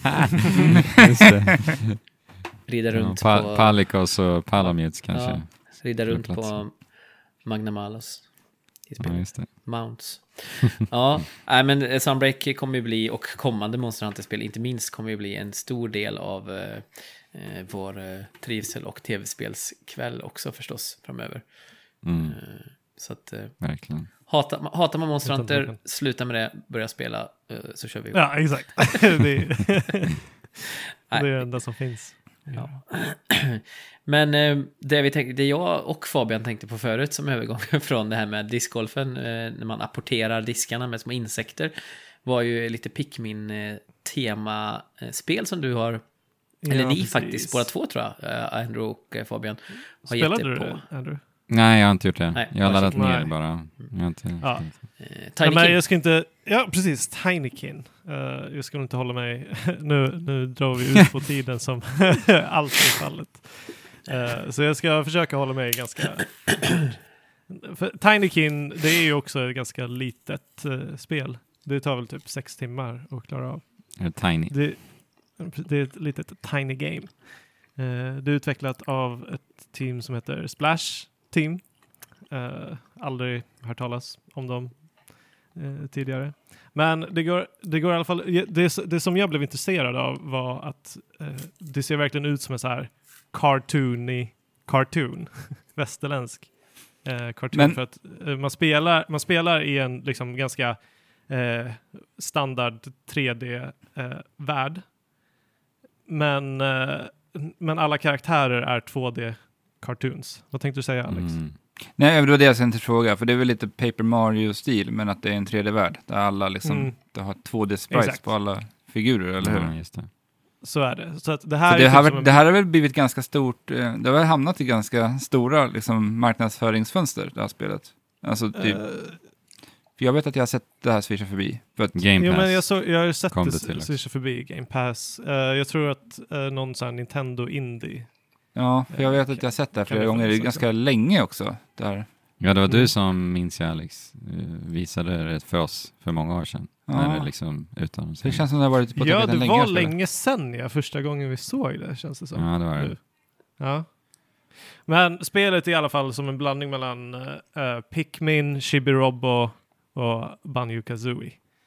Uh, I Mm, princip. okej. Så att, så att, Det låter ju mys, som en mysig blandning. Ja, Chibi-Robo kanske inte jättemånga vet vad det är. Älskar jättemysigt Chibi-Robo spel alltså. när man är en liten robot. Eh, Alex, du älskar ju Chibi-Robo. Ja, fantastiskt spel. Hur skulle du beskriva Chibi-Robo i två meningar? Alltså det är ett jätte... jag, jag, jag tycker det bara är så otroligt... Det, det är nog framförallt perspektivet jag gillar. Alltså Mm. att spela som någonting väldigt litet i en stor värld och se det från det perspektivet. Sen att du spelar som den här otroligt gulliga lilla roboten som bara Ja. eh, är helt fantastiskt. Som inte släpar i- runt på sin egna liksom, eluttag för att ladda upp sig själv. Mm. Och sen spelar han Alltså. jättegullig musik när han går runt och städar upp sina fläckar Det på är så golvet. Och Ja det, det, det är bara mys liksom. Mm. Så att det är väl typ det som är Chibi-Robo, att eh, perspektivet och att man bara går runt och eh, hjälper andra då, insekter då, eh, eftersom man är så liten, eh, med olika saker. Banjo Kazooie är ju väldigt mycket att det, det är collectathon. Du hoppar runt i en eh, så här öppen, ett öppet område och samlar på dig saker.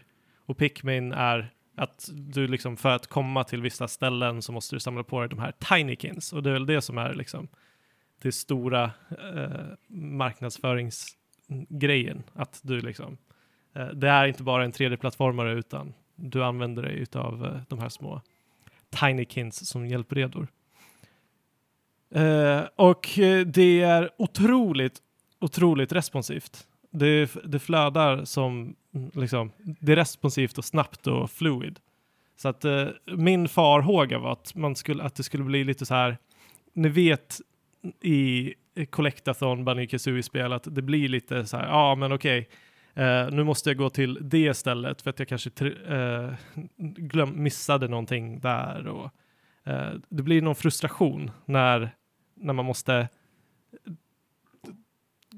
ta sig vidare runt där man redan har, eller ta sig tillbaka till ställen där man redan har varit typ. Eh, Bara för att men- samla på någonting menar du? Liksom. Ja, för att samla på någonting. Eller, eh, alltså transportsträckor brukar, Mm. eller i, i den gamla skolans spel, eh, har inte alltid liksom gjorts jättebra. Men här går allting så snabbt. Du kan surfa på en tvål och även grinda för att eh, ta dig alltså? runt supersnabbt. Och Lite vart du än skateboard tar movement. dig- Eh, ja, det är skate, alltså, eller du kan inte göra tricks och så. Nej, men du kan liksom grinda, det är lite skatekänsla i det eller? Ja, precis. Och det är riktigt bra så också. Så att så fort du, du sätter dig på två, eller ställer dig på tvålen på en eh, kant så får du direkt supermycket fart. Och liksom, som sagt, Mm. det är fluid, responsivt och Nice. snabbt. Och eh, eftersom man är så liten så handlar det väldigt mycket om vertikalitet.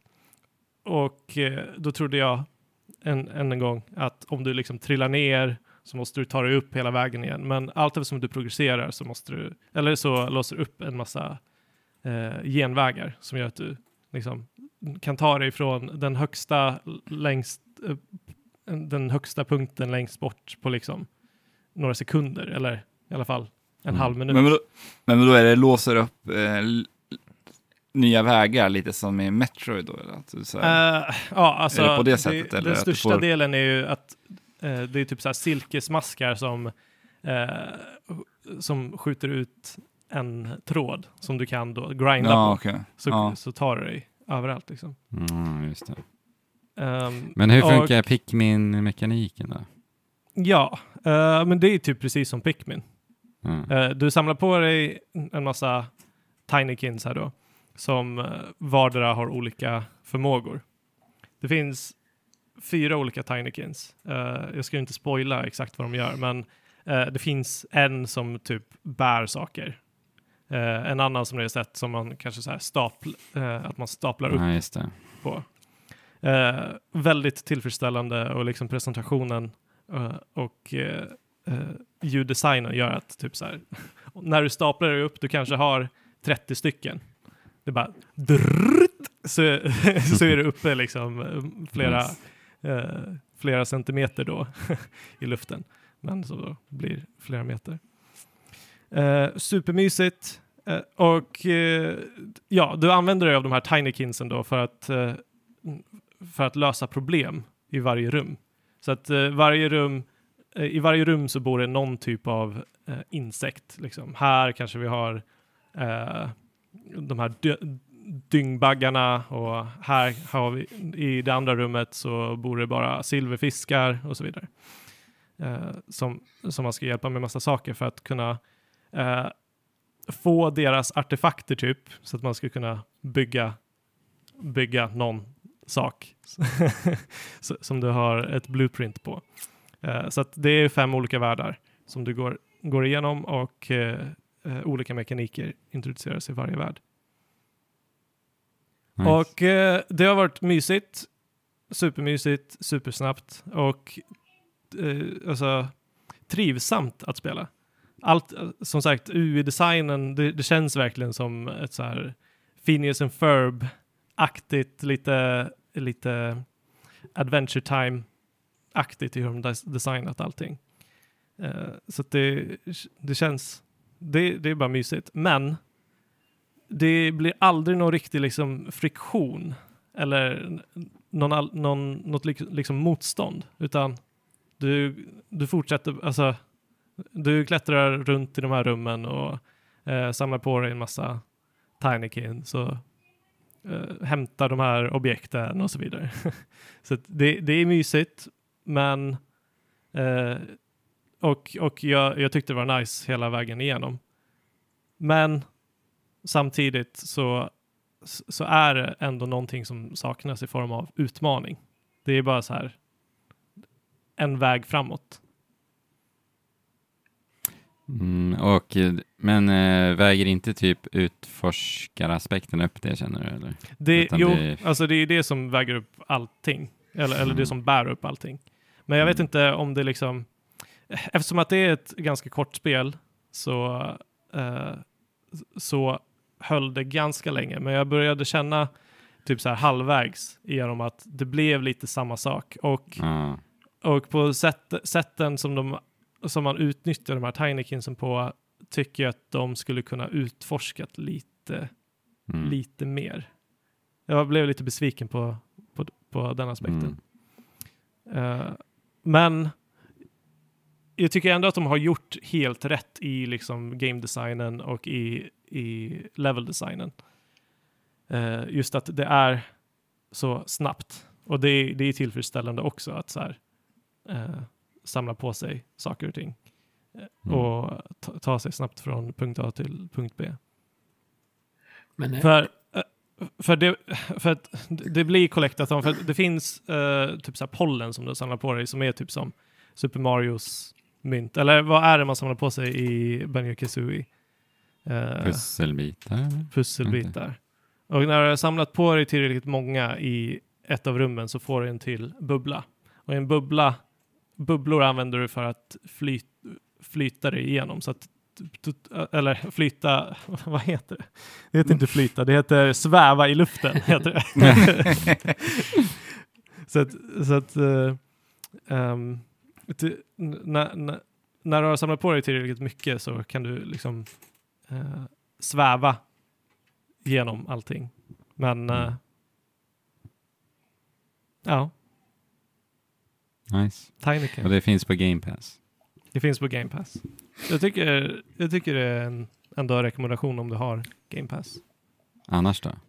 Om jag skulle köpa det för Annars- säg 260 kronor kanske? Eh, alltså om du gillar 3D-plattformare Ja.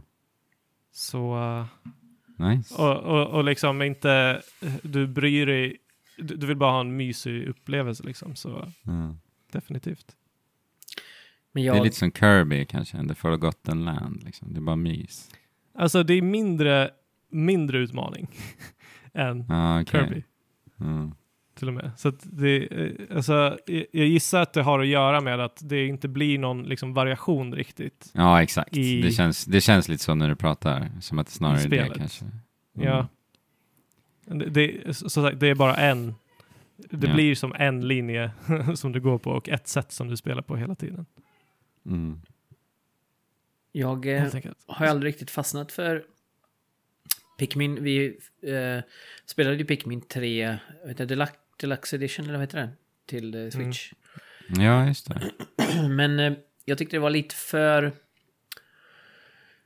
Vad ska jag säga? Mäckigt att kontrollera spelet. Ehm, Ja, nej, men det här spelet, det, är- alltså, om du siktar på någonting så, så är det, eh, vad heter det, eh, situational. Ja, precis. Eh, så att Mm. liksom, Men- om du siktar på någonting som bara en lila Tinykin kan eh, interagera med så kommer du att kasta den. Liksom. Ja, precis. För det var det lite jag funderade på om jag kanske skulle... För, för själva konceptet eh, kring Pikmin tilltalar mig jättemycket. Och jag tror att nästa Pikmin när det kommer ut kommer jag säkert fastna för. Men jag har inte riktigt gjort det med, med det hittills. Så det kanske kan vara liksom en bra light-version. en bra ingång för mig att, att eh, spela ett Pikmin-like. Även om det verkar vara mer, som sagt, det är ju inte RTS utan mer plattformsspel. Då. Ja, Ja, ja, när det nya kom Mm, ja. Alltså, det är ju jättelänge sedan de sa att de Ja, jobbade på Pikmin Att det var 4. nästan klart, sa ju Miyamoto någon gång. Man Ja, och bara, var inte det eh, typ så där i början av när vi drog igång det här? Ja, men typ. Alltså, det är Alltså, ja. evigheter sedan. Jag har ju typ glömt att det ska... att de har Ja. Mm. ja. Men det, det kan de behöva genomgå ett par iterationer för att det ska liksom bli en större, ett större spel än vad det, vad det har varit. Jo, precis. Det, är ju väldigt, det har ju varit ganska konceptuellt ändå. Ja, även om det är det skulle jag säga. supermysigt. Ja, Jo. Ja, det är Mm. intressant det där. Vi har ju pratat, eller vi kanske ska ta det sen. När eh, Ja. eh, Tinykin och eh, Pikmin möts, vad blir det då, Alex? Det blir två olika världar som möts. Vad, kan, vad skulle man kunna kalla det? Ett... eh, ett, ett multi-universum. Exakt. Exakt. Mm. Och händelsevis har du ägnat tid åt att befinna dig, inte i det här multiuniversumet med Pikmin och Tinykin, men däremot med en himla massa andra stojiga Ja, det- karaktärer. Det finns ju många multi-universum nu. Det är ju verkligen på tapeten med, i- Mm. i film. Men också i, eh, så, såklart har ju Warner Brothers såklart gett sig in i det här. Mm. Mm. med Såklart. Multiversus. Eh, deras take på en platform fighter. Mm. Det är Det Smash-like. Ja, precis. Så eh, det har jag ägnat mig tid åt att spela. Jag hoppade på det här när det var i beta för vad är det nu, en och en halv, två månader sedan någonting. Mm. För nu har det släppt. Ja, nu är spelet ute och Mm. säsong ett är igång. Och det är free to play, eller hur? Ja, det är free to play och jag tror att, vad är, vad är det, karaktär just nu? Det är väl en 12 Mm. stycken. De har släppt några nya nu. Morty har kommit och igår kom Gizmo Just från. Gremlins. Eh, ja, men eh, Multiverses är ju deras, som, som Jesper så finns, deras take på Smash. Eh, där är karaktärer ifrån alla möjliga IPn som Warner Brothers äger. Mm. Så att vi kan liksom välja karaktärer ifrån Arya Stark. Arya Stark ifrån Game of Thrones. Vi har Sco- karaktärer från Scooby-Doo som strider mot karaktärer från Adventure Time. Och Mm. vi har en eh, vi har LeBron James som en spelbar karaktär. Alltså, Hans roll som han hade i eh, senaste Space Jam-filmen. För att den anspelar väl lite på så här multiverse-grej också? eller? Ja, hela, hela den filmen, för det var den, jag såg ju den först. Jag var ju supertaggad på, på Space Jam-filmen. Ja, Just för att jag har sån otroligt fin koppling till den första. Eh, shit. Och i den filmen så har de ju den här mm, taken på the multi, deras multiverse. Mm. Så det, det känns liksom som att multiverse-spelet liksom tar efter det lite grann. För att där hade de ju Mm. verkligen en, en riktig fest. Med, det, liksom. med den vetskapen så blir det genast lite mer logiskt att han Ja. ja. sig med. så att annars är det så här, vad, vad gör du här? Liksom. Ja, så att jag, jag har spelat det här, jag har, eftersom att jag spelade på betan så var ju många karaktärer upplåsta. Jag har spelat rätt många av dem. För att de har ju, precis som många andra gratisspel, så har de en roterande schema på vilka spelare som är gratis att spela. Just det. Eh, men jag har ju spelat de flesta, förutom de senaste som har släppts nu då. Eh, jag tycker eh, att det, det, det, ro, det fräscha med det här spelet är att de, de gör, de försöker göra en egen take på Platform Fighters. Många andra kopior har ju liksom testat tänja lite på gränserna beroende, alltså, för att skilja sig lite ifrån vad Smash Bros är. Mm. Eh, det, det roliga med Multiverses är att, för ing, vi har inte sett någon som har gått mot att köra liksom två mot två hållet. Men det är verkligen där Mm. som Multiverses har lagt allt sitt krut på. Mm. Att det ska spelas liksom två mot två. Och eh, det finns ett, ett väldigt djup i det här spelet, för alla karaktärer har liksom som, som buddy-attacker. Och så, som, där vi kan hjälpa varandra på olika sätt. Det kan handla om att eh, man ger sin kompis en hälsa. Vi har en karaktär som, som liksom kan absorbera sin spelare, så man är utanför plattformen så kan man med ett trapp, knapptryck Aha. bara liksom dra tillbaka den till plattformen. mm, Så att det finns liksom, det just finns mycket. Kan man göra attacker tillsammans på det sättet också? Jag tror det. Jag har inte, jag har inte gått igenom alla Mm. karaktärer och jag har spelat det här ganska så casual med en, en kollega på mitt jobb. Mm. Men jag tycker att det tillför mycket. Alltså det, det finns attacker så här, jag kan hoppa upp och man, man, man kan liksom bli upplockad. Jag tror att det var Velma ifrån Mm. Scooby-Doo som har en attack där man kan liksom bli upplockad och så kan de springa med den och så dashar man och så gör man lite mer skada. Mm. Plus att jag blir helad av att liksom, bli upplockad av henne. Då.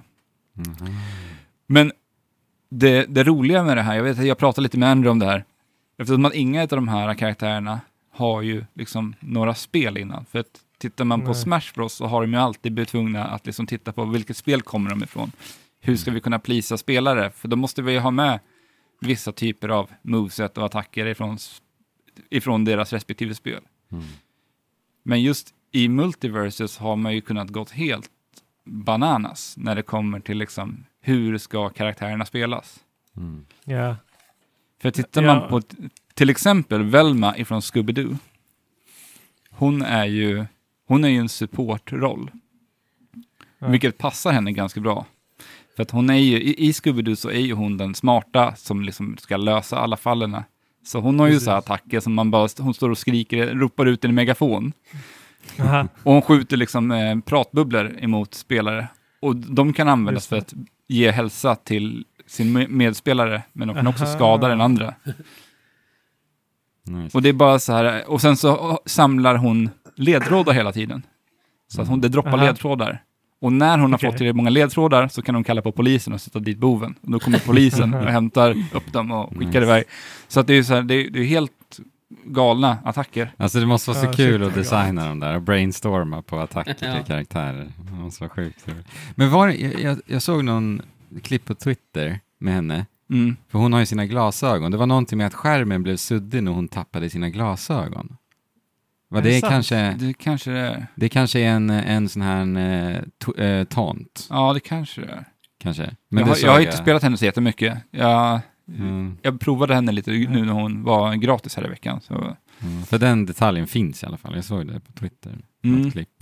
Sjukt Men sen nice har, det, det andra roliga, är- men jag, jag nämnde lite snabbt att hon var supportroll, för de, det märks att det här spelet har tittat väldigt mycket åt Moba-hållet, där alla olika karaktärer är uppdelade i olika typer av roller. Så vi har Mm. så här bruisers, vi har supportroller, vi har... eh, Är det uttalat? Mm. Ja, det, det står på alla, alla Ah, karaktärer, okej. vad de är för typ av Okej. roll. Och om de har mer av ett vertikalt liksom, mönster att slå, eller om de är mera liksom, horisontella. För att vissa har liksom mer starkare uppåtattacker Mm. än andra. Och, Okej, så, man, Men det- så att, eh, du får information för att kunna synka ja, exakt. karaktärer liksom, Ja, det tyder ju som på... komplementerar varandra. Ja. Ja, exakt. Och sen ovanpå det här så har de ett typ av ett perk-system där du låser upp som förmågor. Det kan vara att du ökar damage när du står på marken och gör liksom ne- neutrala, eh, neutrala attacker. Och de här kan man också stacka över laget, så man kan där också synka upp så här, vilka Ah. typer av perks ni ska båda använda för att stacka upp dem och, och få så mycket liksom. Man kan göra liksom en bild tillsammans Precis. som grupp. Och jag upplever inte, för det, min, min stora oro var, jag tittade direkt liksom på så Tekken cross, Street, Street Fighter cross Tekken, Mm. de, där de hade ett perk-system. Ja, men det var ju vart så, katastrof. det vart så betydligt liksom Ja. mycket starkare när man plockade på de här olika, d- vad var det? Typ. gems, typ. Gems, det. Ja. Men här så tycker jag, eftersom att alla har, man, man låser upp de här ganska fort, så handlar det ju mera om vad, vad det är för team man bygger upp tillsammans. För det kan ju Mm. vara så att man bygger upp ett väldigt starkt support-team, alltså att man jobbar väldigt Mm. defensivt och då kan man ju plocka in förmågor som passar spelstilen som man som team har tillsammans. Och jag tycker inte att jag har märkt av det som någonting som har gjort spelet sämre på de timmarna jag har spelat spelet än så länge. Mm. Jag har haft otroligt roligt med det här spelet. Det är, det är så otro, jäkla härligt att bara dyka in i den här världen av Mm.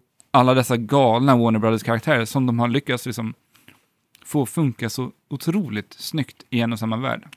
Mm. Trots att liksom Arya. Stark står och strider emot Tess i en och samma scen och får det att funka. Jag tycker det är så otroligt, det är så galet imponerande hur man kan liksom bara slå ihop dessa världar och det känns känns nice liksom, att det funkar. Ja. För det hade lika gärna kunnat bli så kom- märkliga kontraster att det skulle känns helt off.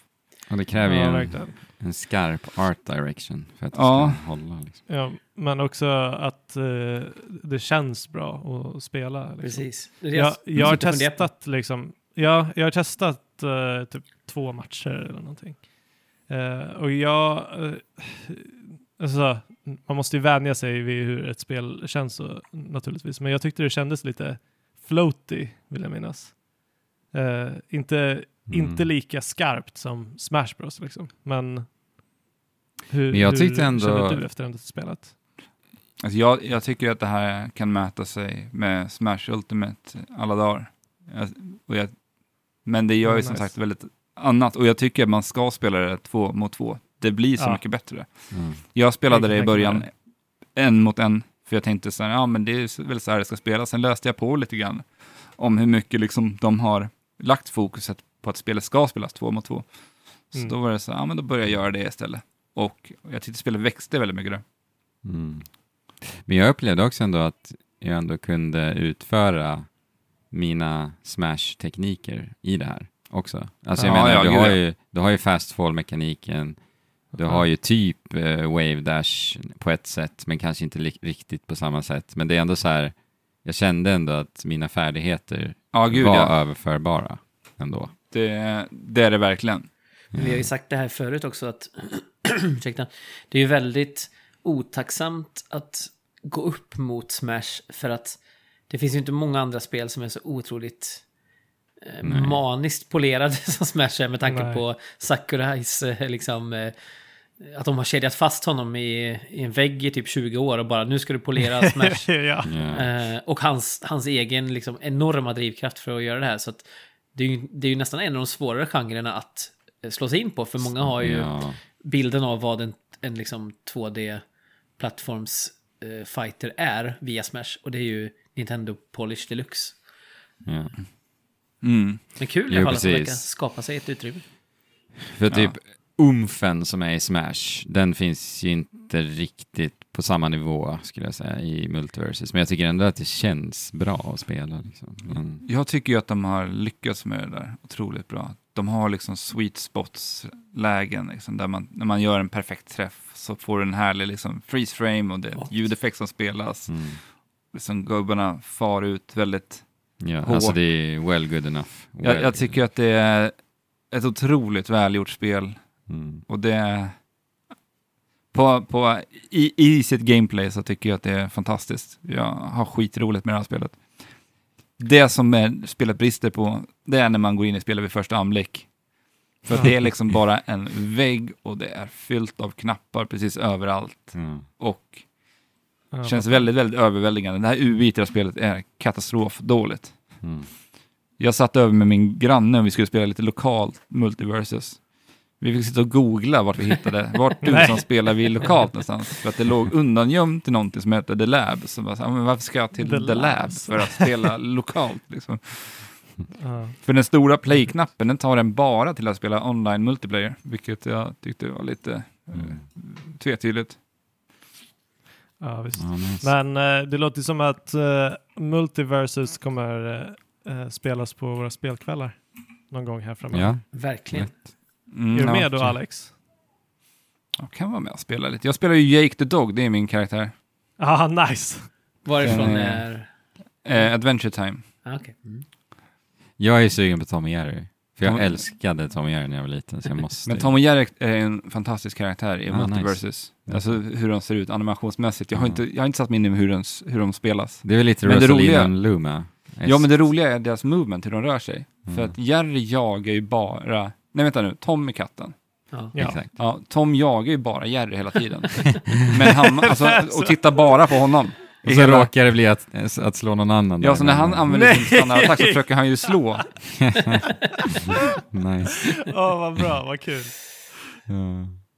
Så de, han har ju ingen fokus på fighten egentligen. Underbart.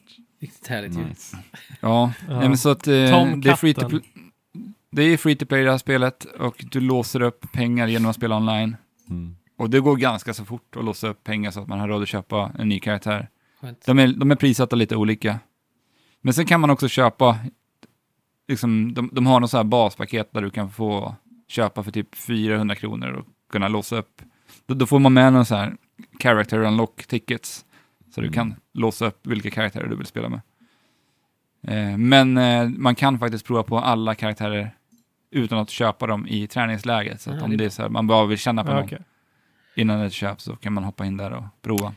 Är inte the future of fighting games ändå? Alltså, Att jag, vara free to play. ja, med upplägget, hur de, precis. Jo, men det tycker jag. Det, Alltså, det känns naturligt och det, det funkar väldigt bra i det här. mm. Jag tycker det också, bara spontant. Det, det kommer ju bli svårt att argumentera för ett framtida... Typ, om- om, Street Fighter vill bli ett stort spel igen liksom, Mm. och tala till en större publik än hardcore-publiken som de alltid typ, verkar rikta sina spel till, Mm. så, så behövs det ju göra sådana här grejer. Ja, men just att det också Mm. känns så naturligt och gör sig så bra med att lägga till karaktärer i ett Ja. fightingspel. Det är ju det liksom. Det är ju nästan, det är så, sånt givet live service-koncept. Det var ju så kul för att det, jag tror det var igår jag vaknade på morgonen och hade fått ett mail från Multiverse och så släppte de bara, de bara droppade Gizmo helt plötsligt. Ja. Ja, Gizmo? Nej. ja Gizmo Gremlins. Ah, okej. Ja, men jag menar, kolla på Fighter Pass till Smash liksom. Mm. Alltså det är ju, marknadsföringsmässigt så har det ju varit otroligt. Ja. Tänk om det bara skulle leva, leva vidare som ett live service. ja, för det Ja, har vi ändå sett lite med um, Mario Kart nu. Att de har gått åt det hållet och testat Ja, lite, Nintendo. Precis. För jag menar, Smush är ju... Ja, jag vet att, att det finns massa melee eh, hardcore-supportrar, men Smush är ju ändå ett liksom... ja, men ett ultimate ja. Smash helt enkelt. Det funkar ju superbra och det behöver ju inte, alltså det är klart att vi kommer, fidelityn kommer bli högre framöver och sådär, men det behöver ju inte vara så mycket bättre än vad det är nu, känner jag i alla fall. Nej. Ehm, Säga ska också att jag kände typ det med Smash 4 Ja, då. Men ja, jag, jag håller ju med, absolut. Att, eh, Ehm, ja, jag laddade hem Multiverses as we speak här nu faktiskt. det finns inte till Jag, Switch. sål, jag förresten. sålde in det alltså. Absolut. Det finns inte till Switch ska vi säga. Nej, och det är också en nice sak med spel, för det, det är cross-platform på Ja. allt. Och cross-save. Ja, Mm. Ah, Nice. super. Mm. Men det kommer ju komma till Switch, det skulle jag nästan... ja, det är väl bara en fråga om att optimera det till en, Ja. en plattform som inte är lika kraftfull som Mm. resten. Men mm, ehm, eh, som du sa där Fabian, absolut ett spel som jag är sugen på att spela tillsammans. Och kul också när man är hyfsat på lika nivå. Det är svårt med Smash. Eftersom det finns några hardcore Smash-spelare i vår community att, att spela på lika villkor. Så. Men här börjar man ju ändå från noll lite grann. Eller inte noll då, men li, något som liknar noll kanske i alla fall. Ja. Eh, Låt oss spela Ja. detta. ska vi... Vamos.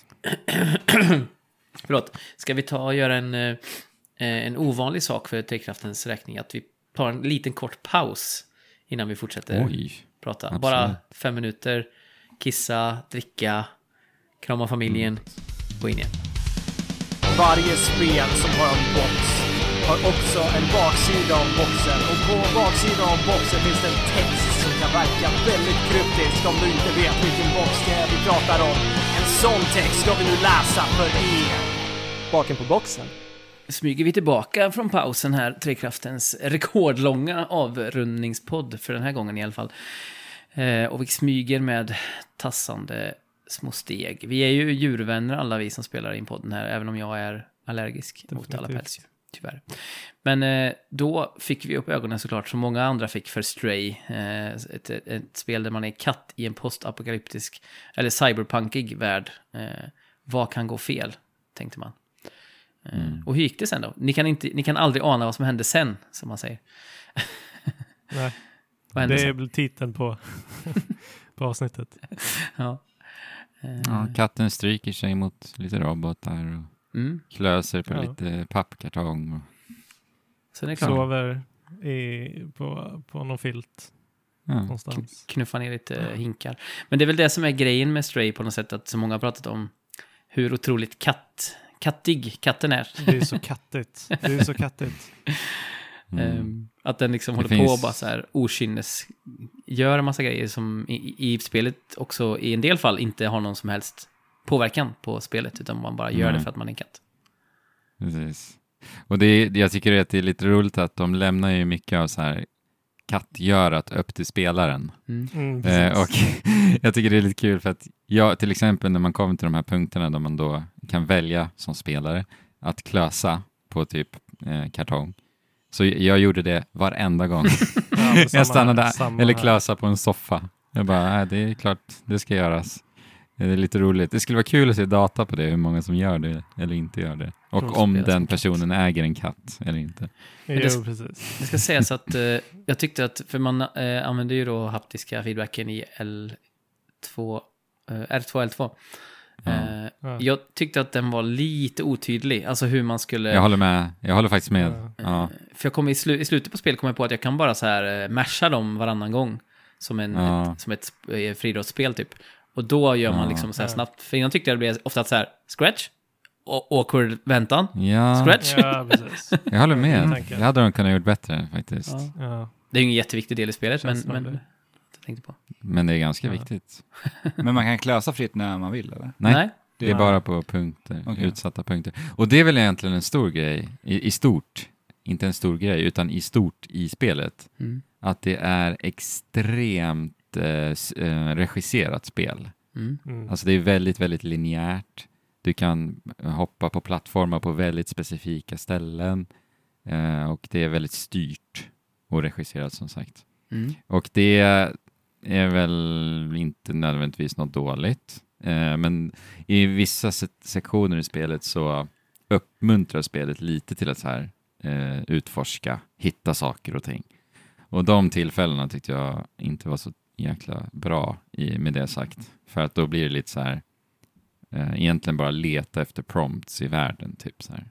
Ja, här kan jag interagera med någonting. Och inte Men- så mycket titta på världen i sig. Ja, alltså jag blev förvånad av att det inte var mer regisserat än vad, alltså eller det är inte, jag trodde typ att det skulle vara mer än liksom walking simulator. Mm.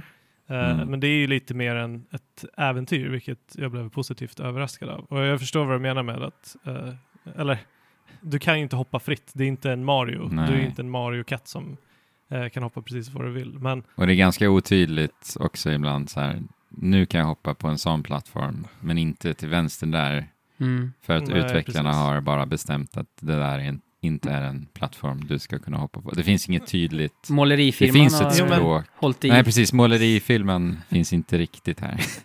Men ändå, ja, och det, det är ju skönt eh, det på sina sätt. Men jag, ty jag tycker ändå att det var, för att vara regisserat och så liksom hårdkodat, så funkar det förvånansvärt bra. För att så fort jag såg den där prompten så tänkte jag, åh nej, det här kommer bli katastrofalt.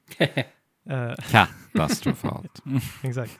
Men, eh, men eh, det, som sagt, det, jag tycker i min upplevelse så, så kunde jag ändå förutsäga eh, i alla fall 90 procent av de ställen som Mm. jag kunde hoppa på.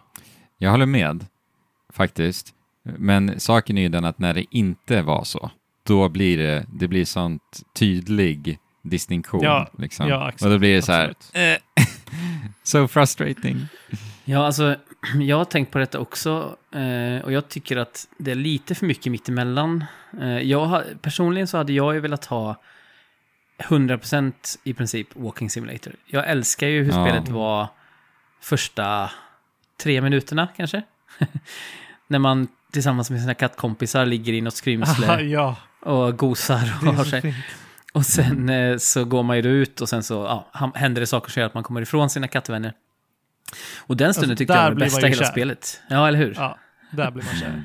Eh, så jag tycker det är lite synd att det sen blir pusslande och liksom plattformande och lite sådär. Eh, men inte i tillräckligt stor utsträckning, som sagt. Då skulle man vilja ta det helt fritt nästan, att här, hitta massa gömda vrår och så. För det säger ju någon av roboten också så här. Ja, jag önskar att det vore så lite som du så jag kunde hitta massa göm- hemna, gömda hemligheter. Eh, och det kan man ju inte riktigt. Man kan ju bara hitta de hemligheterna Nej. som spelet eh, ger en för att komma framåt i princip. Och så några små hemligheter. Så att, nej, det känns lite som att för min del hade de hellre fått välja väg. Antingen Ja. walking eller eh, Jag patting håller med där. simulator, eller vad heter. Eh, eller så kunde det varit eh, fritt. Så att man fått eh, en mindre yta, men väldigt Mm. dens. Eh, hade jag nog önskat som man utforskade eller upplevde en story. Nu är det lite mittemellan ibland tycker jag.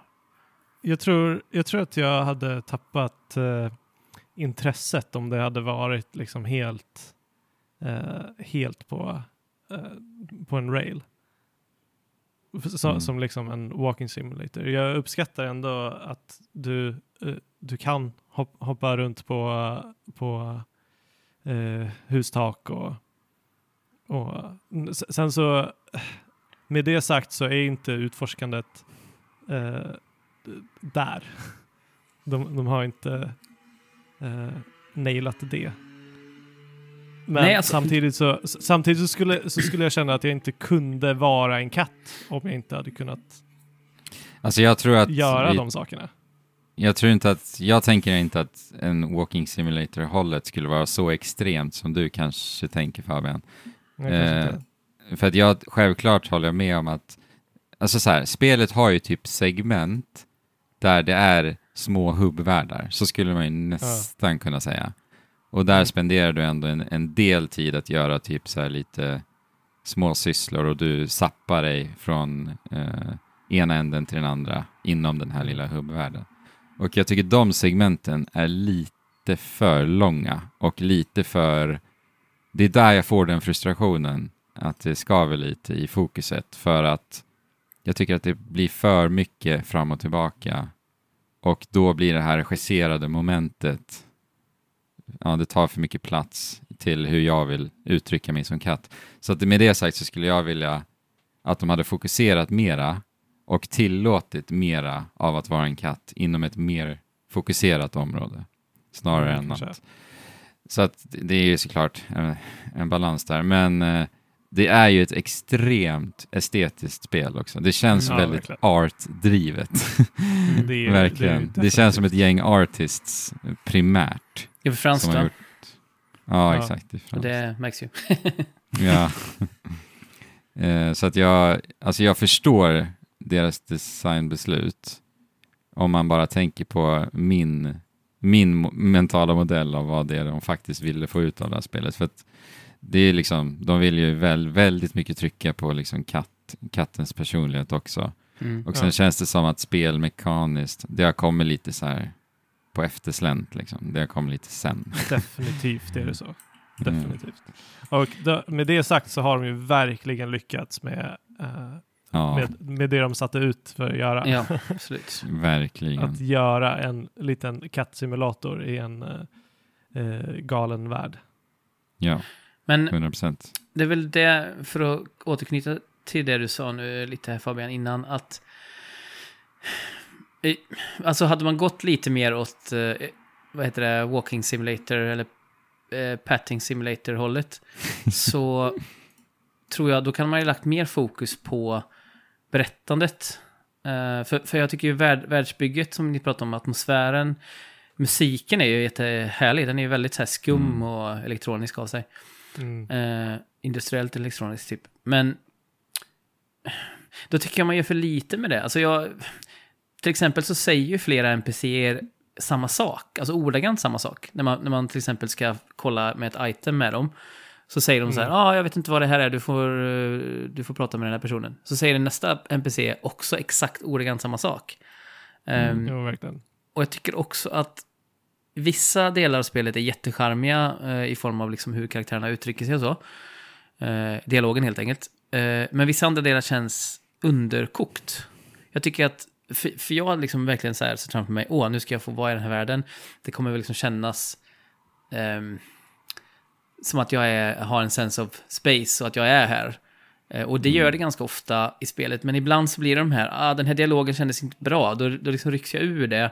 Och sen måste jag hålla på och traggla med någon så här prompt som inte riktigt kommer upp och så här. Så att Mm. jag, jag är också positiv till spelet, måste jag säga, eh, först och främst. Jag tycker att det är, jag är jätteglad att jag spelar det och det är väldigt mysigt. Men Ja. jag tycker lite att det känns som de har, återigen, att de har hamnat lite mitt emellan två tankar, eller inte liksom löpt den ena linan ut. Eller jag önskar att de har renodlat det Ja, mer åt det precis.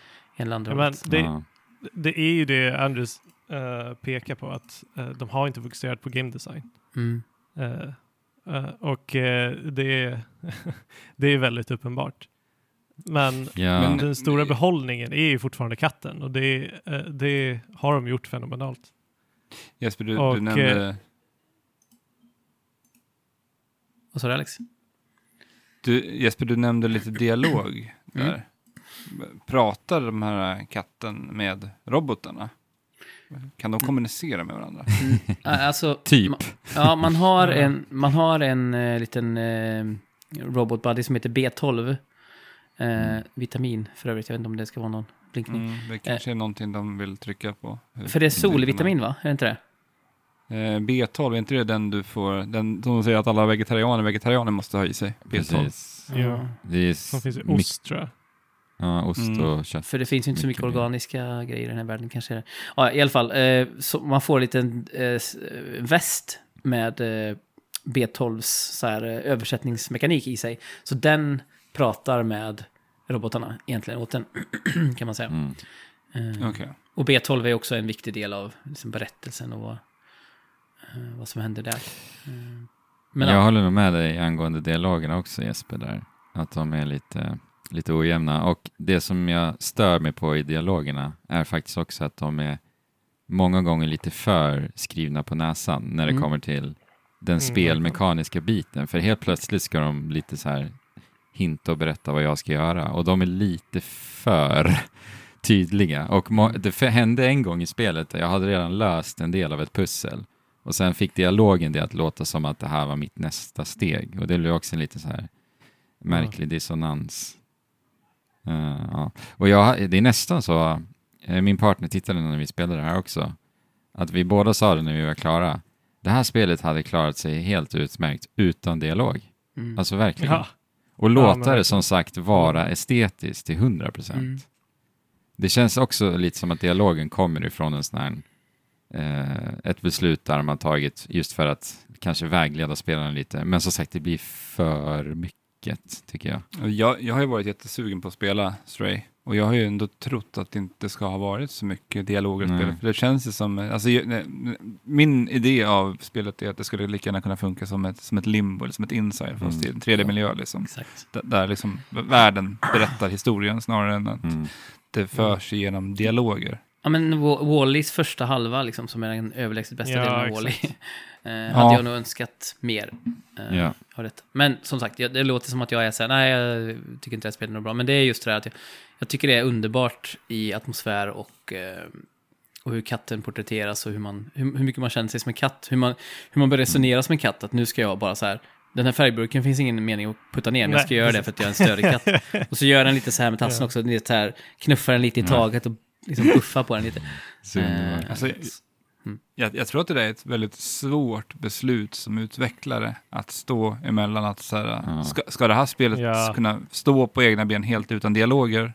För att, Ja. eller, ska, eller ta den enkla vägen att bara införa lite dialoger för att lättare kommunicera saker till spelaren. mm.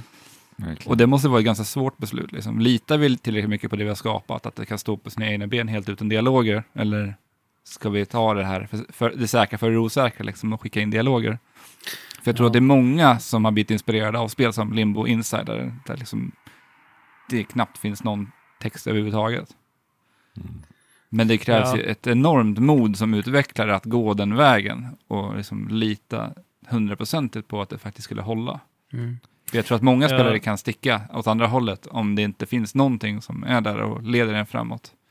Mm. Du sätter Men det är också- hu- huvudet på spiken tror jag. Att det, eh, men det skulle ju också kräva att de investerade väldigt mycket mer eh, än vad de skulle behöva om de bara behöver skriva en textkod. Exakt, det skulle ju Mm. Kostnadsmässigt skulle det ju bli bra mycket dyrare att göra det på det sättet. Liksom. Ja, Ja, och svårare Så- överlag. Mm. Men, ja men det hade ju ja. varit väldigt mycket mer i linje med vad spelet liksom. Det är ju klart att en katt inte kan förstå robotar även om de är superavancerade. Ja, men jag förstår verkligen många av besluten Ja. faktiskt de har tagit. Men, och med, med vad, vi, det, vad vi pratar om här är också att de här förbättringsområdena och hur vi ser drömversionen av Stray vara, det kommer ju också från det faktiska spelet vi har spelat. Så med det Ja, sagt, så det faktiska verkligen. spelet vi har spelat har ju varit inspirerande och eh, kul Ja. eh, som upplevelse. Så jag håller ju med Jesper där också. Att jag tyckte verkligen att det här spelet var bra. Och jag, jag rekommenderar det särskilt om du tycker om katter. Jag, tror, jag, att, tror eh, att, jag tror att du inte kommer tycka om spelet om du inte tycker om katter. Eller om, om du ogillar katter så kommer du inte tycka om det i alla fall. Nej, precis. Nej. Mycket Men- av skärmen och atmosfären är ju kring katten. Liksom. Du kan ju i och för sig låta katten bli elchockad upprepade gånger om du hatar katter. Om du är en sån ondskefull människa. Ja. Mm. Eh, Alltså är det, hemskt finns också. ju en sek- Ja, förlåt. Nej, jag skulle bara säga det är ju hemskt när, varje gång man blir skadad med katten. Ja, verkligen. Ja. Hjärtat Jag vill bara så här. Det finns ju en sekvens som involverar ett tangentbord. ja, ja. Så bra. ja. Ja, alla, alla som har katt vet vad det betyder. Ja, jag behöver inte säga något mer. Eller när katten får på sig den här västen. Mm. Robotvästen. Den Ja. nopar Ja, ur en Så kort himla Just- fint. Ja, Jag har också sett eh, att eh, det ger upp på livet. man kan sätta in huvudet i papppåsar också. Exakt. Ja. Det har man ju sett massa videos på när man kollar kattvideos. Och Finns, händer- finns det någon gurka med i spelet? Nej, faktiskt inte som jag har sett i alla fall. Det hade ju Men- varit en kul grej. Ja, men man, Mm. det händer ju något med kontrollen också när man stoppar in huvudet i en påse, vilket är lite roligt. Ja, Ja. exakt. Men eh, ja, In. nej men eh, vi, vi måste röra oss vidare. Men, eh, Ja, eh, men ju- jag vill bara otroligt- säga otroligt innan snyggt. vi, innan vi rör oss vidare så eh, du, du, det finns ju en knapp för att mjaua. Mm.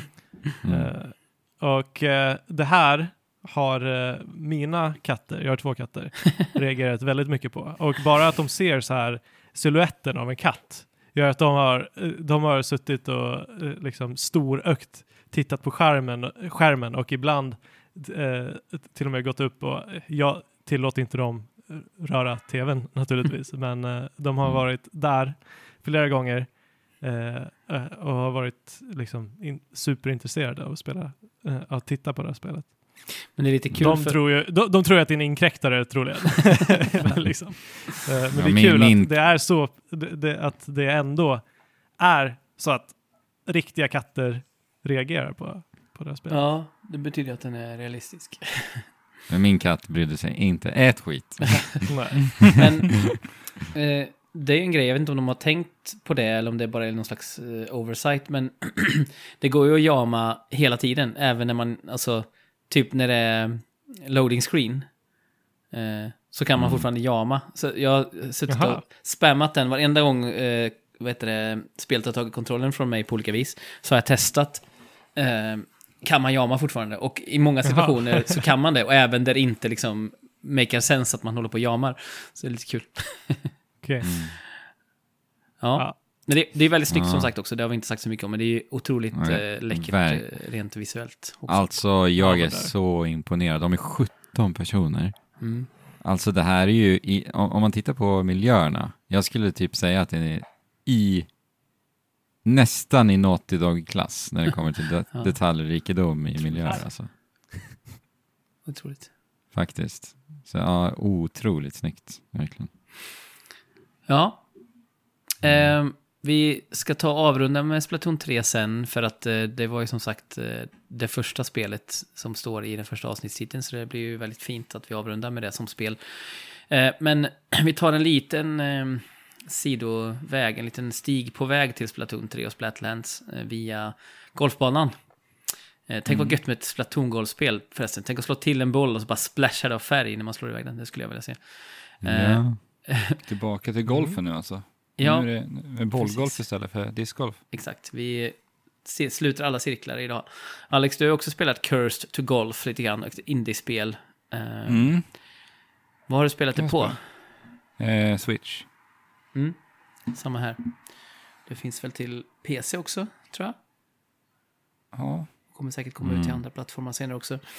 Eh, jag länkade ju till er här i morse en... Eh, eh, när han presenterar, skaparen presenterar den senaste patchen. Eh, Ja. och det är fullt av... Eh, eh, ja, Lite den, Tim and Eric. ja, Ja? Eh, Liam Edwards heter han som är, eh, som är huvudman bakom spelet och det är ju en indie-studio. Knappt en studio, höll jag på att säga.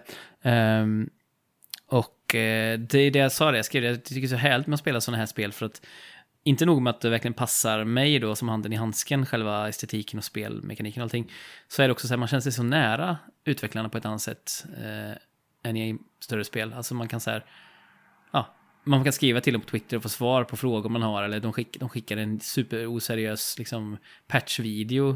Eh, för att de bara, ja, vi, vi bryr oss inte om liksom, eh, hur Ja. vi framstår, utan vi gör bara vi, vad vi känner för. Eh, och jag tycker det går igen i många roliga beslut de har tagit även i, eh, i Curse to Golf. Men, men hur mycket har du hunnit spela, Alex?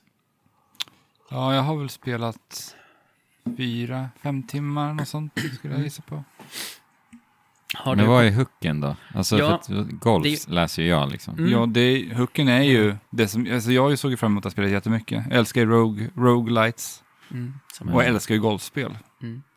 Aha, Slå ihop de här två aha. så har du Curse to Golf. En golf-like.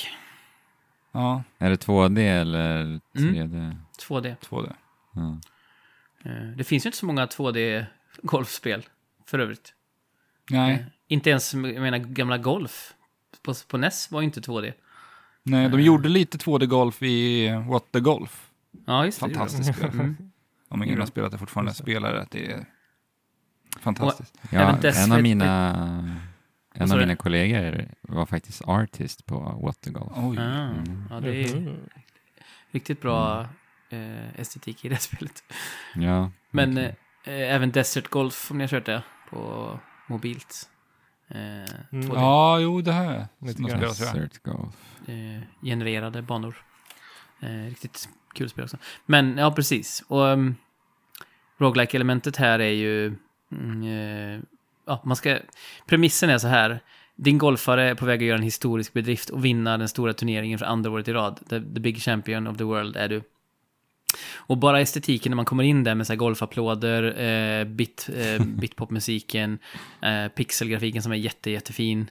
Eh, är bara så himla härlig och det känns verkligen så här golfigt också. Det känns lite som så här Neo Turf Masters eller något annat golfspel man spelar när man var lite yngre.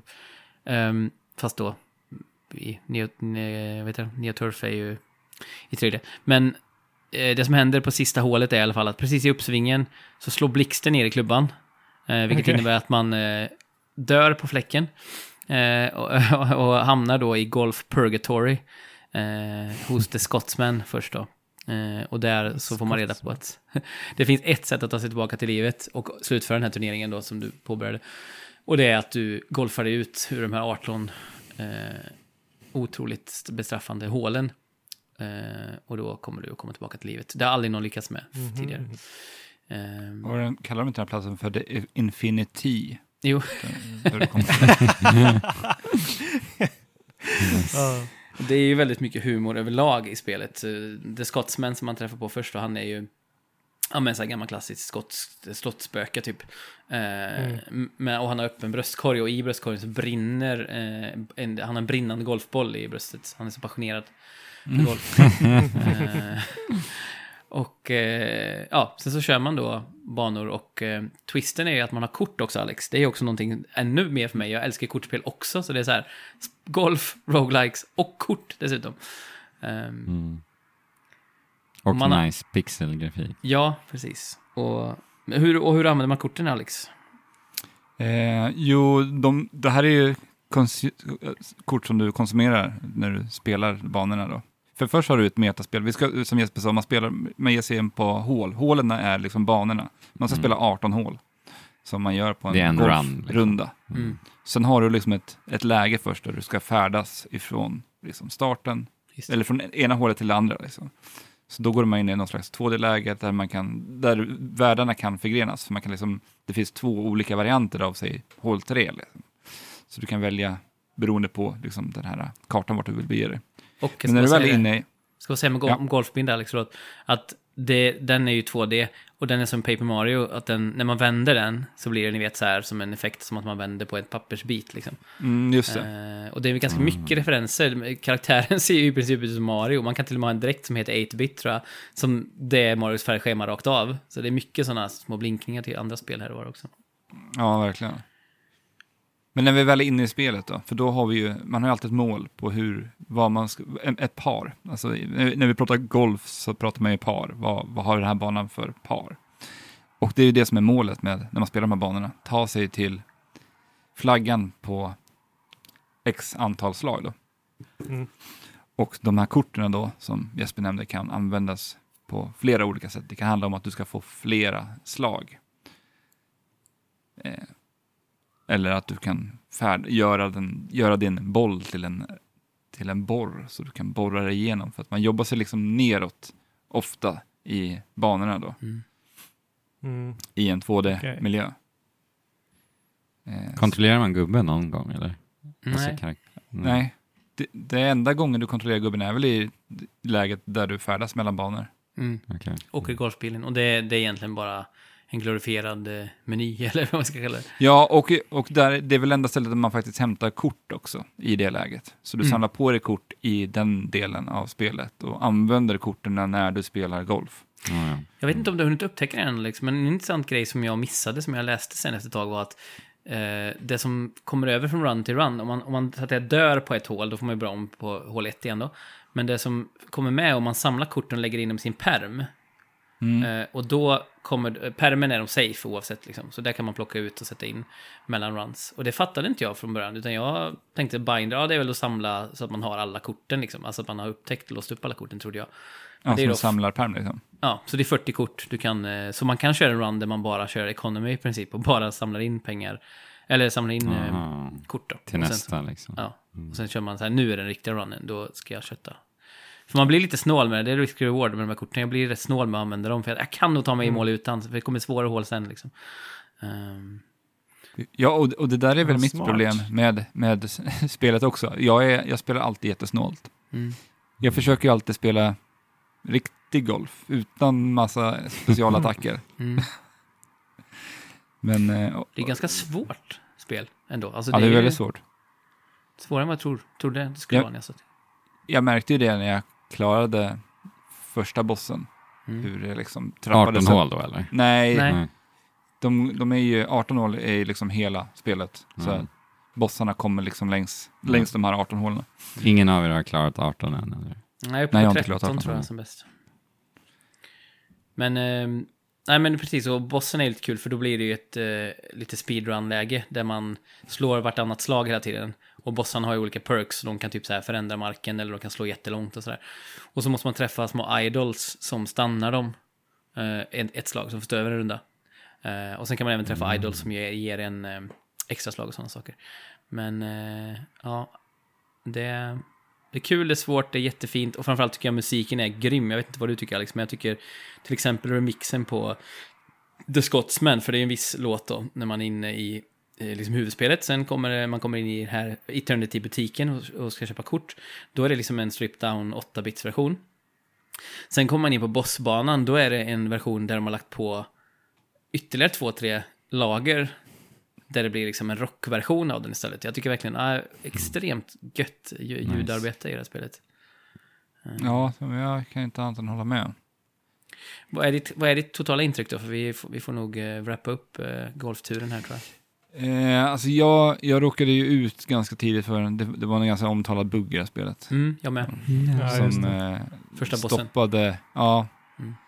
Och det, det, det där hände mig efter några omgångar. och det sabbade lite. Jag har, inte, jag har faktiskt inte gått tillbaka till spelet till, till förrän det här hände. Men nu har jag sett att de har patchat det. Mm. Men jag tycker att det är väldigt roligt. Alltså golf, golfspel är väldigt kul. Jag ska hoppa tillbaka när jag och spela vidare igen för att jag hade väldigt kul med det. Men det är bara det enda problemet jag har med spelet är, är ju hur jag är som spelare. Att jag är snål. Jag vill Mhm. inte använda kort. Nej. Så Det jag, finns jag, ju en psykologisk term för det där som heter loss aversion. Att vi Ja. som människor, eh, vi tycker inte om att konsumera saker helt enkelt.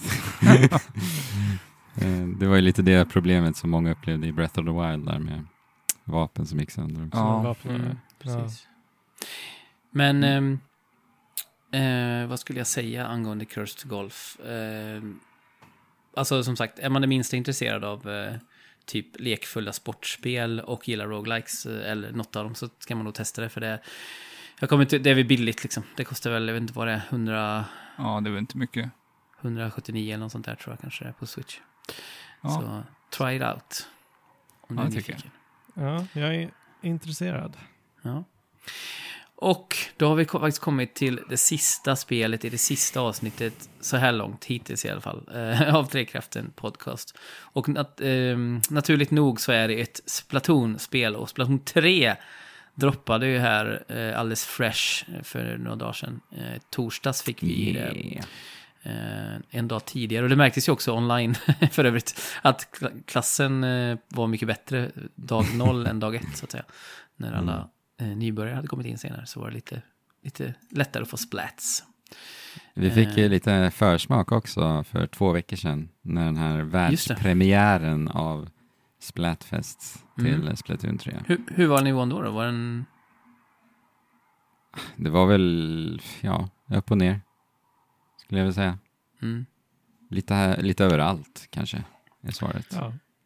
Ja. Och på tal om eh, bra musik i Curse to Golf, alltså Splatoon-musiken är så sjukt bra. Och nu har de de, dels massa Ja. ny musik förstås, men också remixer på eh, till exempel Grisco-musiken och på den här eh, Mm.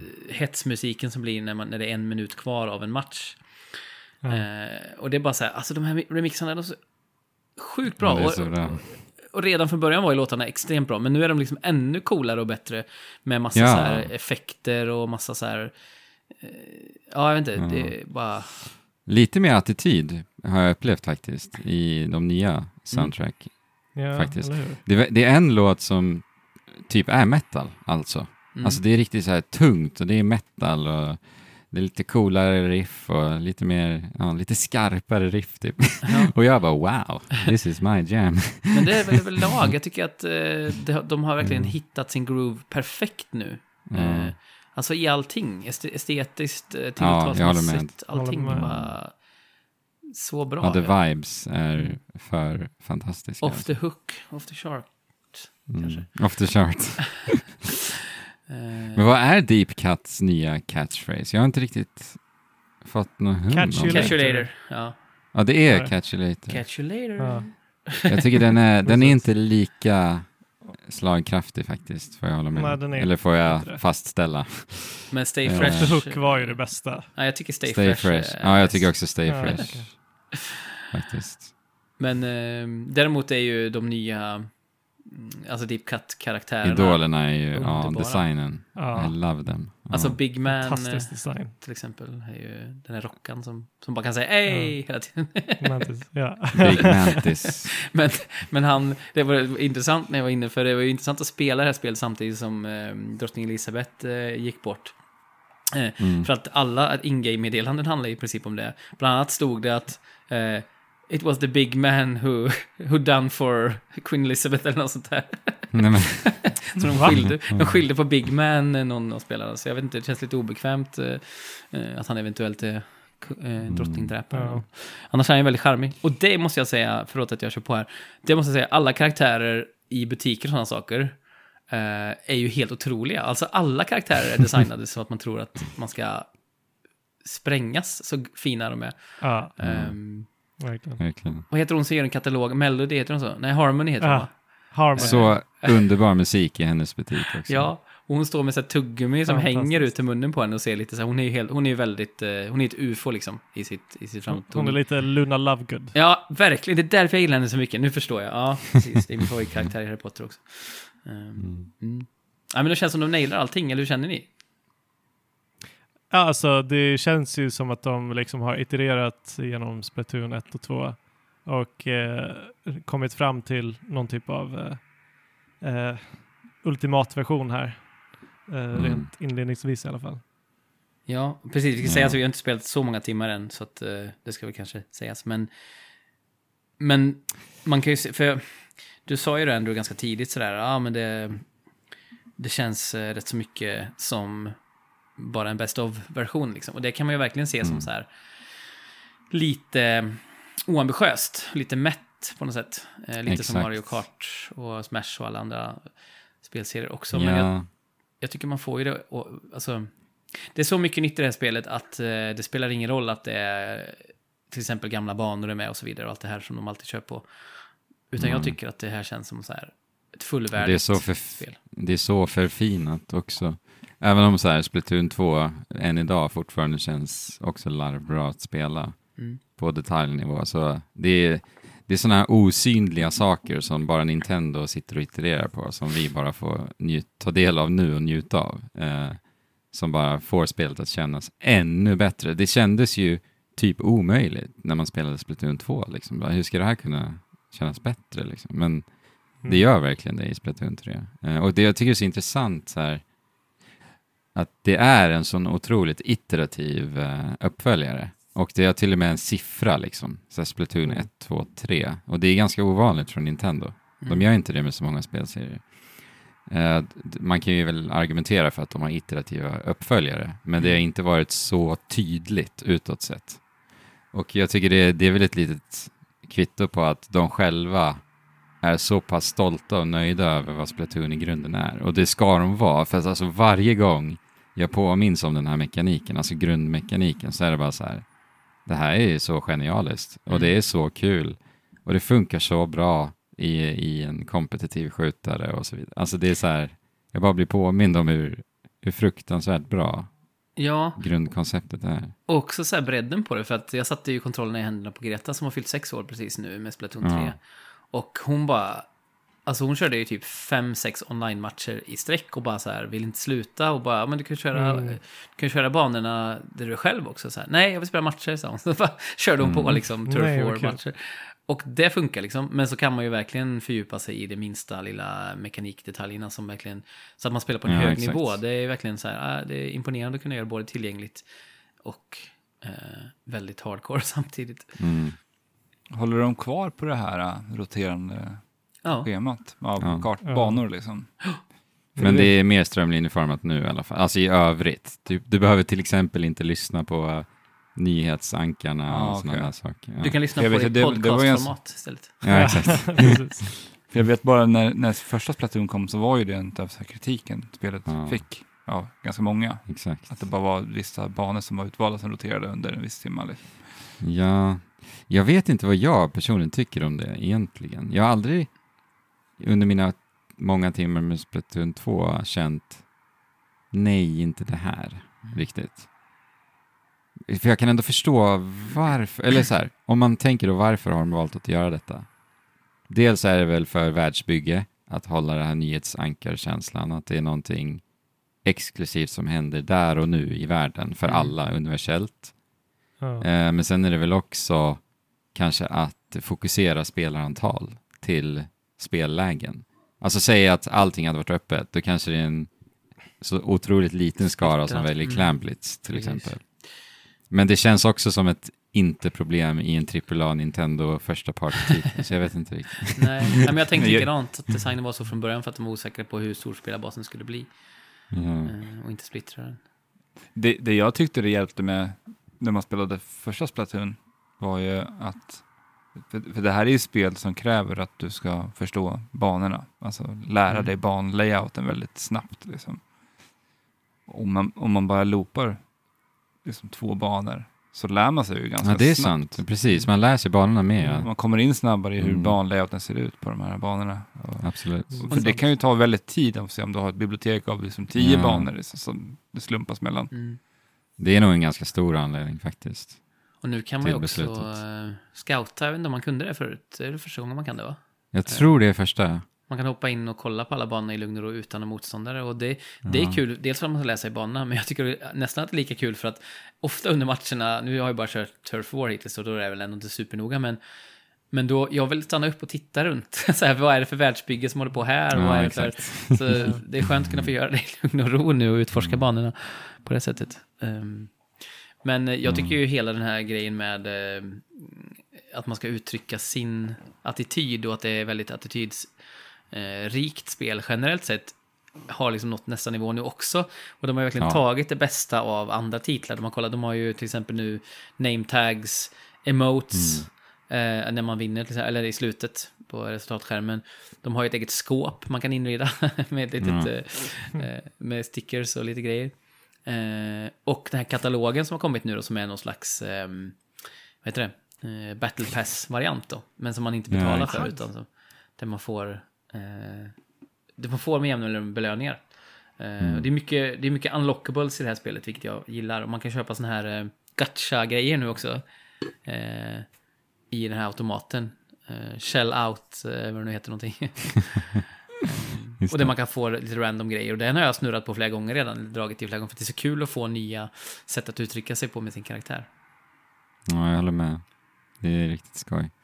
Och de är så duktiga på så presentationen av allting också. Alltså det känns, det känns alltid så kul att låsa upp nya, nya sätt att uttrycka sig.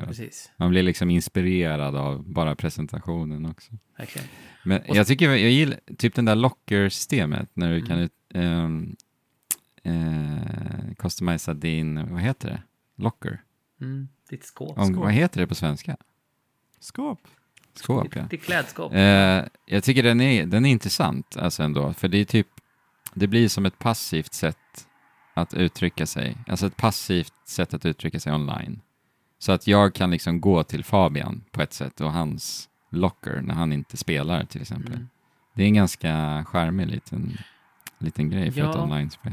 Och att man, man ser ju varandra som spöken också eh, när man inte spelar ihop. De står och hänger i lobbyn.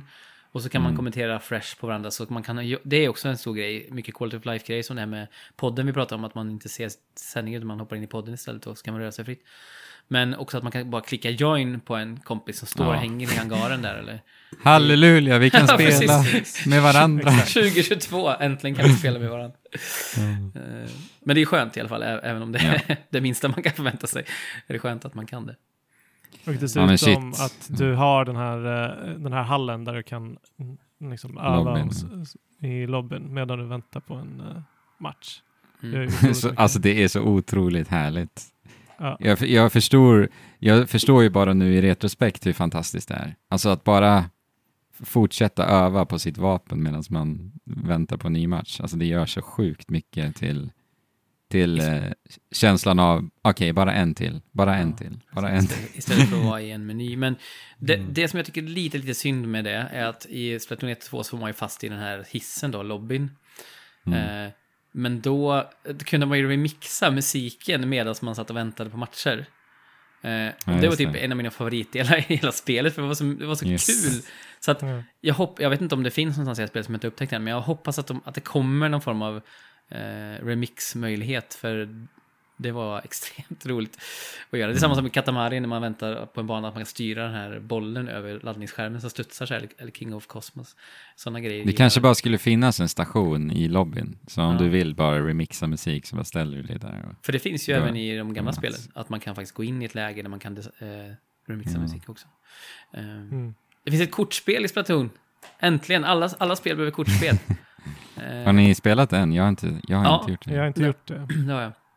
Det är ju någon slags blandning mellan eh, liksom traditionella kortspel där man samlar på sig kort, och också Tetris i eh, omgångsbaserat. Man lägger ju kort Mm. som om det vore en Tetris-plan i princip, fast också som en Splatoon-bana. Så du ska stänga ute den andra från att ta territory, du ska ta så mycket du själv kan. Och sen kan du låsa Mm. in små kuber som ger dig specialattacker eh, som du använder som valuta då mot eh, fienden. Så det verkar kul. Jag har bara kört eh, några rundor. Det var svårare än vad jag trodde f- att fatta eh, strategin, men eh, Ja, jag är nyfiken. Men, också. men är det gjort som ett minispel eller är det gjort som ett spel där man kan spela mot varandra? ja, just nu har jag bara mött eh, NPCer, men jag tror att tanken är att man ska spela mot varandra. Det är nog PVP, Ja, det finns, det finns ett område bara för det här i lobbyn. Mm. På över, ovanvåningen. Just det, där uppe, ja, precis. Ja. Vilket också är en härlig grej med Splatoon, att man kan liksom gå runt och titta på olika saker. Jaha, det här är området som, som funkar så här och här finns en bar här borta. Och man kan liksom bara... Mm. Jag skulle vilja ha ett Splatoon-plattformsspel eller ett open world-spel där man bara gick runt och utforskade en Ja, stor värld. Alltså den här världen, är, den har ju ändå utbrett sig rätt rejält nu. Alltså. Jag tror ändå att det finns stor chans att vi kommer få se spin-off-spel i Ja. framtiden. Ett Battle Royale. Ge oss ett Battle Royale nu. Spattle, Mm. Splattle Royale. Splattle Royale. ja. Ehm, vi, vi måste faktiskt eh, snart avrunda den här inspelningen som nu har pågått i två timmar och 45 minuter. Och det är väl passande att vi kanske gör det längsta avsnittet i poddens historia nu då. Men ehm, vill vi knyta ihop Splatoon-säcken lite mer? Vi kommer ju spela det tillsammans, vi kommer prata om det tillsammans på torsdag. Eh, men är det fler saker vi vill få sagda nu innan vi går in på sista lilla biten här på det här avsnittet? Eh, nej, alltså det, Det är kul. jag vill, det är kul. Känns fräscht. Fresh. eh, nej men single play-läget är ju också Just det. eh, väldigt... Eh, man märker att de har tagit med sig mycket utav idéerna ifrån eh, Octo Expansion, som var den här expansionen till Splatoon 2. Mycket Mm. utav eh, presentationen, hubbvärldssystemet eh, och att det är lite mera eh, snabba, rakt på sak, eh, eh, enskilda utmaningar Mm. på banorna som också utforskar väldigt mycket av mekaniken med nivådesign och sådär. Mm, Och det skapar ju biljetter. Som man kan Ja. använda i multiplication. Ja, exakt, just det. Man får lite annat också, lite, lite cosmetics och lite sådana Mm. saker. Eh, men det är ju supervarierat och bara superkul. Eh, alltså verkligen. Eh, som sagt, grundmekaniken är så pass bra och att få bara se den frodas på massa knasiga pusselutmaningar och så. Det är bara superhärligt. Mm. På tal om superhärligt då, så har det varit sju och ett halvt superhärliga år och fyra för mig då. Men nu Mm. rundar vi av och vi gör väl det lite grann med eh, våra kära drivkrafters ehm, minnen och kanske något av våra egna också. Eh, vi skrev ju ut här innan eh, ja, när vi annonserat att detta skulle vara det sista avsnittet helt enkelt så, så skrev vi ju ehm, att ni får gärna dela med er av era minnen och det har ju folk gjort. Vill vi ta med de här i podcasten eller vill vi ta med dem i våra hjärtan? det, alltså vi, det är inte ett val, man kan göra båda, men frågan är om vi ska ha med dem i podden. Nej, jag tänker bara, eller vad, vad tycker ni, men bara omfamna dem, Ja, om man säger. Eh? Ja, verkligen. reagera, liksom bara så, på Mm. allt det- som har sagts. eh, det verkar som att eh, just en, en episod har uh, nästlat sig fast i eh, många lyssnares eh, minnen och hjärtan. Eh, så att eh, vi kan väl krypa in just det, eh, det biten. segmentet Ja. här Absolut. så behöver vi inte säga något mer om det. Och Mm. det är riktigt kul. Jag tycker också så här i efterhand att lyssna på det. ja, jag håller det är med. skoj. Sen den andra nyheten gällande Switch och Fortnite är att eh, i Fortnite har vi såklart in-game chatt. Ja, just och vi vet det. ju vi vet ju sedan tidigare att eh, Switch-kontakten 3,5 mm uttaget på Switchen har ju också stöd för Mikrofon. mikrofon. Mm. Ja. Och det här använder alltså, alltså 3,5 mm uttaget för in-game voice chat Ja. i Men Fortnite. vänta. Vänta. Vänta. ja, det är sant va? vänta. Vi, vi, skulle, vi skulle bara kunna få ett headset till Switch Ja. Ja. för att kunna prata med våra vänner. Ja. Ja. Vi behöver ingen jädra adapter. Nej. Det är en jävla dongel som Och ingen jävla helvetet. Vi behöver ingen app. Nej. Nej. Va? vänta. Är det sant? ja. Uppenbarades det här nu? Ja, med Fortnite. Nej! Men det har ju varit utannonserat skitlänge att de har en mikrofon på den där kontakten. Ja. Men de här är de enda som har använt det. Varför? Och inte, Varför och inte de en Nintendo med deras egna spel. Varför släpper ni en app och en jävla tångel? Varför släpper ni inte bara en jävla mikrofon? Eller ett jävla headset? De släpper, de släpper, de släpper den officiellt utannonserad. Vad är det här? Alltså, jag vet inte ens. Jag, jag vet inte. Alltså det är så, Alltså. det är så sjukt.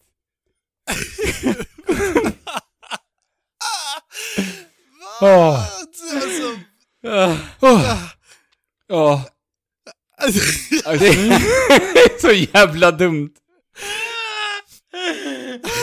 De, de, de, de tar sig mödan. alltså det går att beskriva det här med ett ord. Nintendo. Nej men alltså det, det är bortom Nintendo. Ja, det är... Ja. Alltså, ah. det, det är dumt på så många nivåer. Ja. Och på så många sätt. Och, Ja, det är och att Epic Games bara... Ja, ja men, vadå? Ja, hur ska vi göra nu då? Nej men, vi använder... Vi använder det uttaget som redan finns.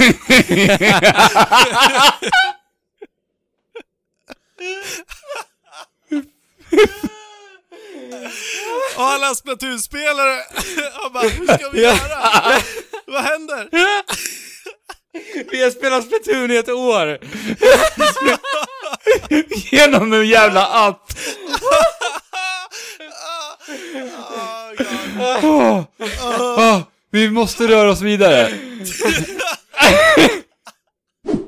Eh, men jag tar också med mig att eh, en lyssnare, jag ska inte outa eh, vem, ehm, sa till mig här väldigt nyligen att hen har liksom funnit väldigt mycket respit under en väldigt hård tid i livet genom att lyssna på, på oss och specifikt gå tillbaka till det där Breath of the Wild avsnittet som vi gjorde med Jesper första gången. Att eh, han har liksom lyssnat om på det och tycker bara att det är så himla mysigt. Eh, och jag måste, efter det så eh, har jag lovat att jag ska eh, lyssna om på det. För att Mm. eh, han sa att det var, jag har nog inte lyssnat på den någon gång överhuvudtaget, men jag kommer ihåg att det var en underbar, några underbara timmar som Mm. vi konverserade. Ja, Ja, vi, jag- vi sa ju det lite innan, det var ju av de första gångerna vi satt allihopa och poddade ihop också, så det var ju lite Precis. speciellt Mm. ur den aspekten också. Mm. Ja. Så vi hade, trots att vi har bott i samma stad så har vi ju suttit liksom på olika håll och poddat, men det var väldigt speciellt att liksom komma upp och träffa Jesper och Mm. prata om det här spelet som vi alla hade liksom bara med utsikt, Psykos. försvunnit. ja, ja. och utsikt över uh, Mälaren Ja, samtidigt. Mm. ja, det var inte dåligt. Fint. Tider, alltså. Men, ehm, Nej, men som Men sagt. genom, Mm. genom åren så, så har jag blivit eh, väldigt glad av att liksom, lyssnare har hört av sig och sagt det så här. Eh, det är så himla mysigt och eh, Trekraften har verkligen förgyllat mitt liv och det, det känns helt sjukt att vi bara sitter och Ja. eh, pladdrar Mm. och den kan ha någon liksom, riktig effekt på, Mm. på folk. Ja, Ja. Precis, men jag känner igen mig i det själv också väldigt mycket, just det här som du sa med att om man, har en, om man mår dåligt och man har några, liksom, en trygghet i sin favoritpodd med människor som man tycker sig känna via podden, eller man, att man gör det. Mm. Och i vårt fall så är det ju faktiskt så att vi känner många av våra lyssnare också, framförallt de mest in, eh, inbitna lyssnarna. Men att få Mm. det är ju väldigt mycket värt. Jag vet precis känslan. Så det känns, som du säger, en ynnest att få vara den för någon annan också, som, som andra får vara det för en själv. Förut. Mm. Verkligen. Eh, Men, Men jag, jag tänker, på, tycker- jag tänker på ett, eh, ett tillfälle, jag kommer inte exakt ihåg eh, vad det var som hände, men jag kommer ihåg att det var otroligt roligt. Vi spelade Sea of Thieves. Eh, Ja, Alex just var med. Ja, Vad var det som hände då? då, då Nej, men Alex återberättade ju eh, när du och jag Alex spelade, när vi spelade med en stackars person som vi låste in. ja, vi råkade låsa in honom. Ja, och sen så märkte, Ja, du, att, det. sen så märkte du att du njöt av det. Och du, blev, Ja, du, du skämdes över dig själv. Ja, Och så vart det kaos. ja. det är Ja. oerhört. Jo, det, Men Det var någon, någon gång vi spelade, det var inte det jag tänkte på, men det är också hysteriskt kul. Okej, var det någon gång vi spelade? Ja, eh, ja, jag tror Andrew var med också och någon från discorden.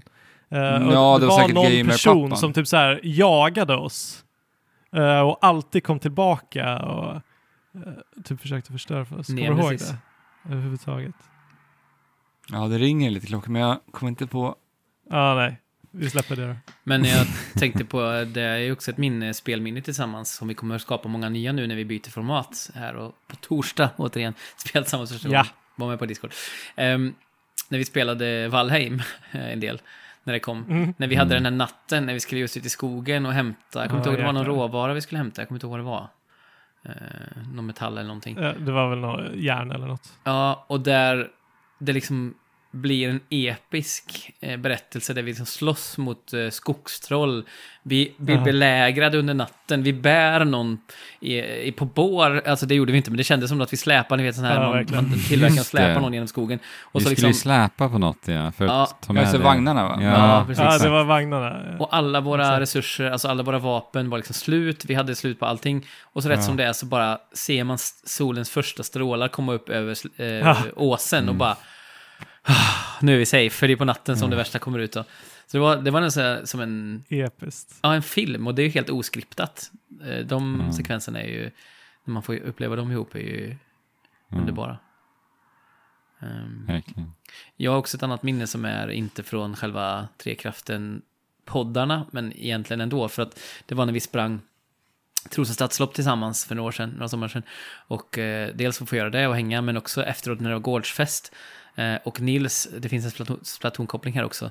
Eh, knyta ihop ännu en säck. Nils klarade ju av Octo Expansion då, när vi Mm, satt på den här innergården på festen. Och jag tror, Ja. det var någon av er, jag vet inte om det var Andrew kanske, så hjälpte Ja, det honom lite med sista bossen.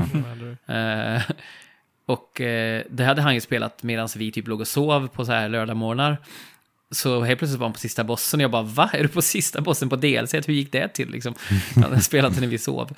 Mm.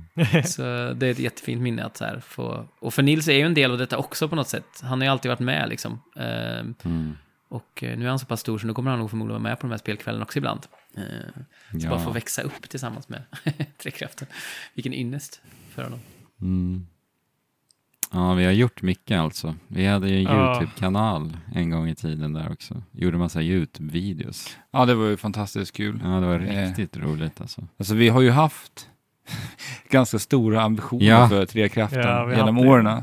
Alltså, när, när vi körde YouTube och Andrew vart influerad av liksom, så här, amerikanska YouTube-kanaler som körde liksom poddformat fast i video. Ja, så testade vi det. Och, Och, jag menar, och det, vi satt och spenderade så, alltså det dubblade liksom produktionstiden för oss att göra ett avsnitt. ja. Ja. Och vi, vi beställde ifrån en svensk snubbe som, jo, jo, han gjorde sådana här skyltar, så vi gjorde Av liksom en trä. trälogga Just av det. Trekraften Mm. som vi skulle ha som backdrop på videosarna Ja. för att liksom ge ett mer professionellt intryck. Och vi satt där i mitt, mitt Ja, i gamla ditt spelrum. spelrum. och gjorde det här. Men det var ju så enormt krävande rent tidsmässigt och det, det gav Ja, inte det så det. mycket Nej. för oss till slut. Alltså- Men det var jäkligt roligt att utforska alltså. Ja, det var det. Men jag, jag, jag tyckte nog ändå att det videoformatet som var roligare, det var väl ändå när du och, det var du och Fabian som började göra lite små sketcher på, Ja. På på Instagram. Instagram, till en Ja. början. För det var väl Ja. där videoformatet någonstans föddes. Ja, Mm. Precis. Den eh, Eh, Switch... Eh, Ja, sketcherna var kul. Switch Event-filmen är väldigt rolig också när ni sitter på tåget dit och så här pratar om att Just det. det är någon som sitter i fel säte. Och så, Ska vi switcha eller? Jag, så, jag älskar ju sånt tramshumor. Ja, Och överhuvudtaget den videon är ju väldigt rolig. jag kan Mm. tänka mig att du verkligen gillade det.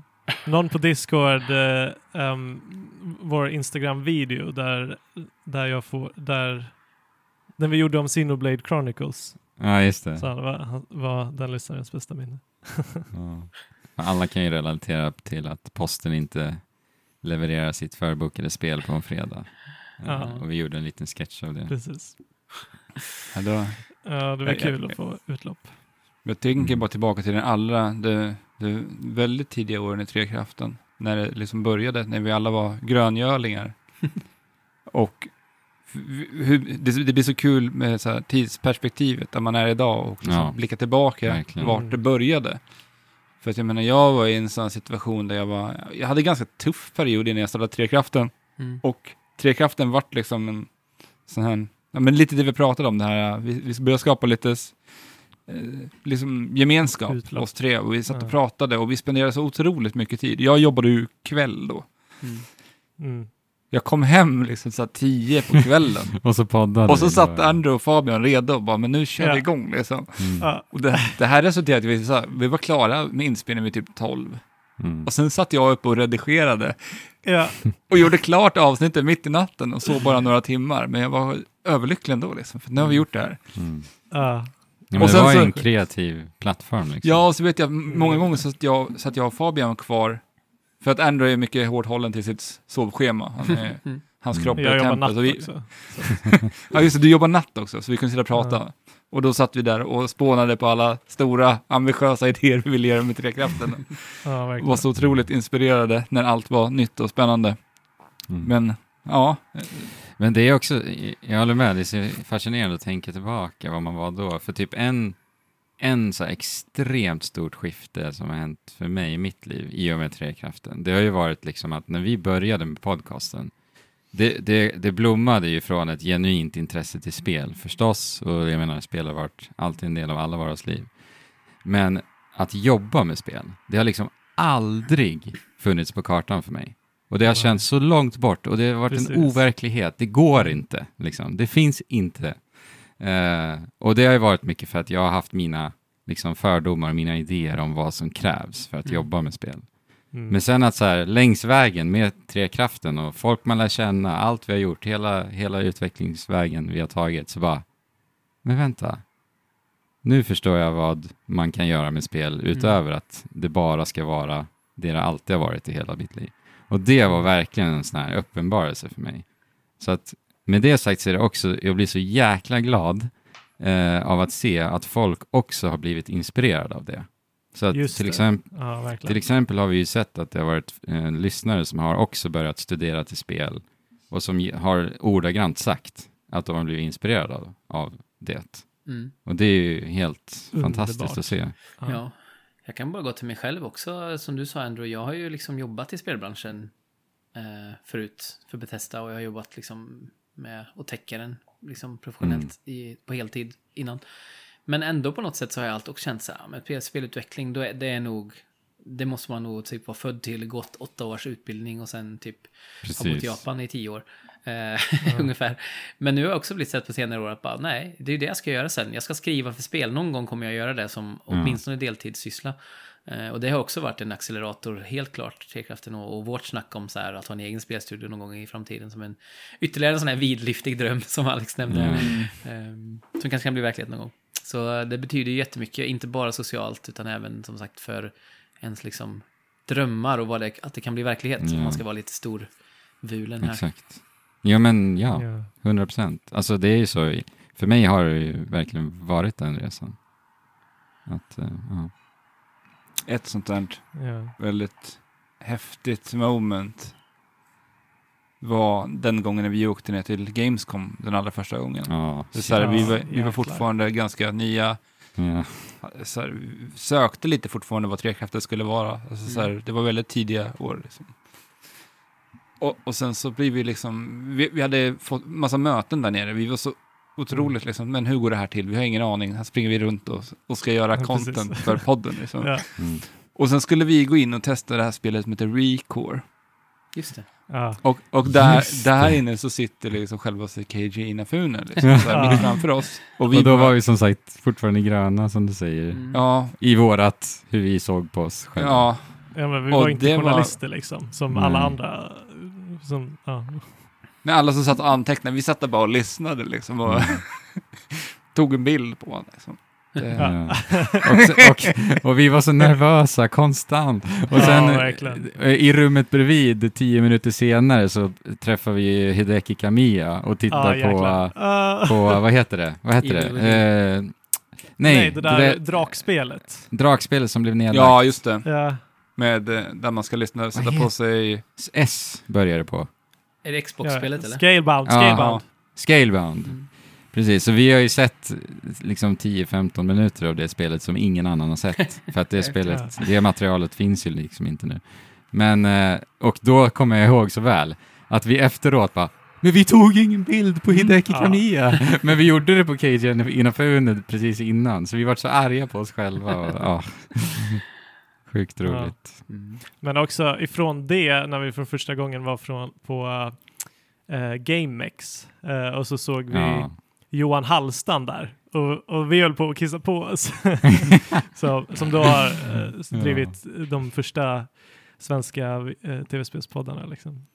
Mm, till. Keiji Inafune och Hideki Kamiya. Och, Ja, det, är- det är väl någonting jag skulle vilja säga till lyssnarna, för att alla, vi var så här, vi var väldigt skraj och hade ganska, ja, till en början när vi drog igång det här.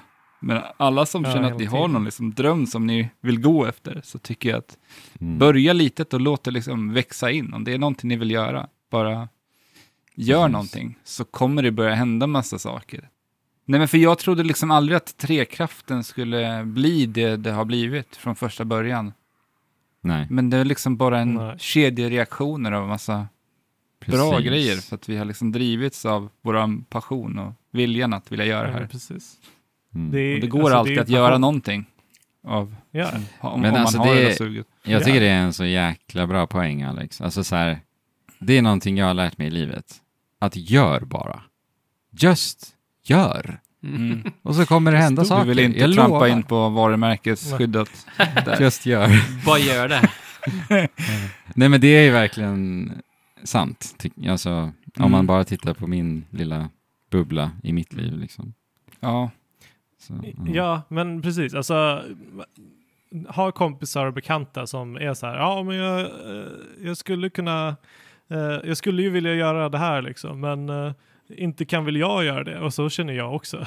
liksom. Jag känner ju det hela tiden, ja. ja, men det känner väl alla hela Ja. tiden. Ja, Så, Så dumt imposter syndrome-grejen. Exakt. ja verkligen. Men, eh, Men ja. det, det är bara att göra. men, och frå- då, du kan nå hur långt som helst. men från att Ja. ni eh, i Trosa kom fram till att så här, nej men vi pratar ju massa om spel, vi kan, vi kan väl lika gärna spela in detta.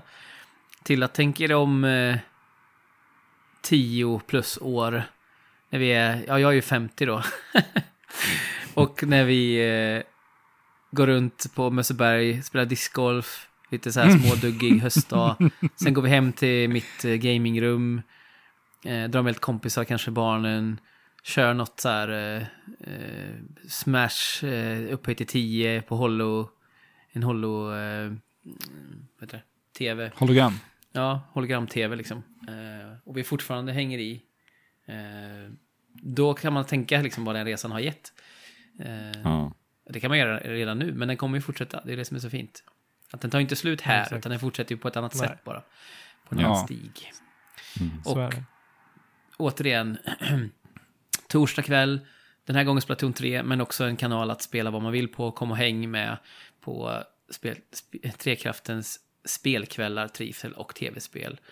Eh, och så kommer vi såklart höra av oss i so sociala medier också. Eh, men ett enormt tack till er som liksom eh, omfamnade mig i podden och att, få- att få ha skapat den här vänskapen som jag är säker på kommer att hålla livet ut om inte det blir någon oväntad eh, sitcom-drama-situation. Det kommer det inte bli.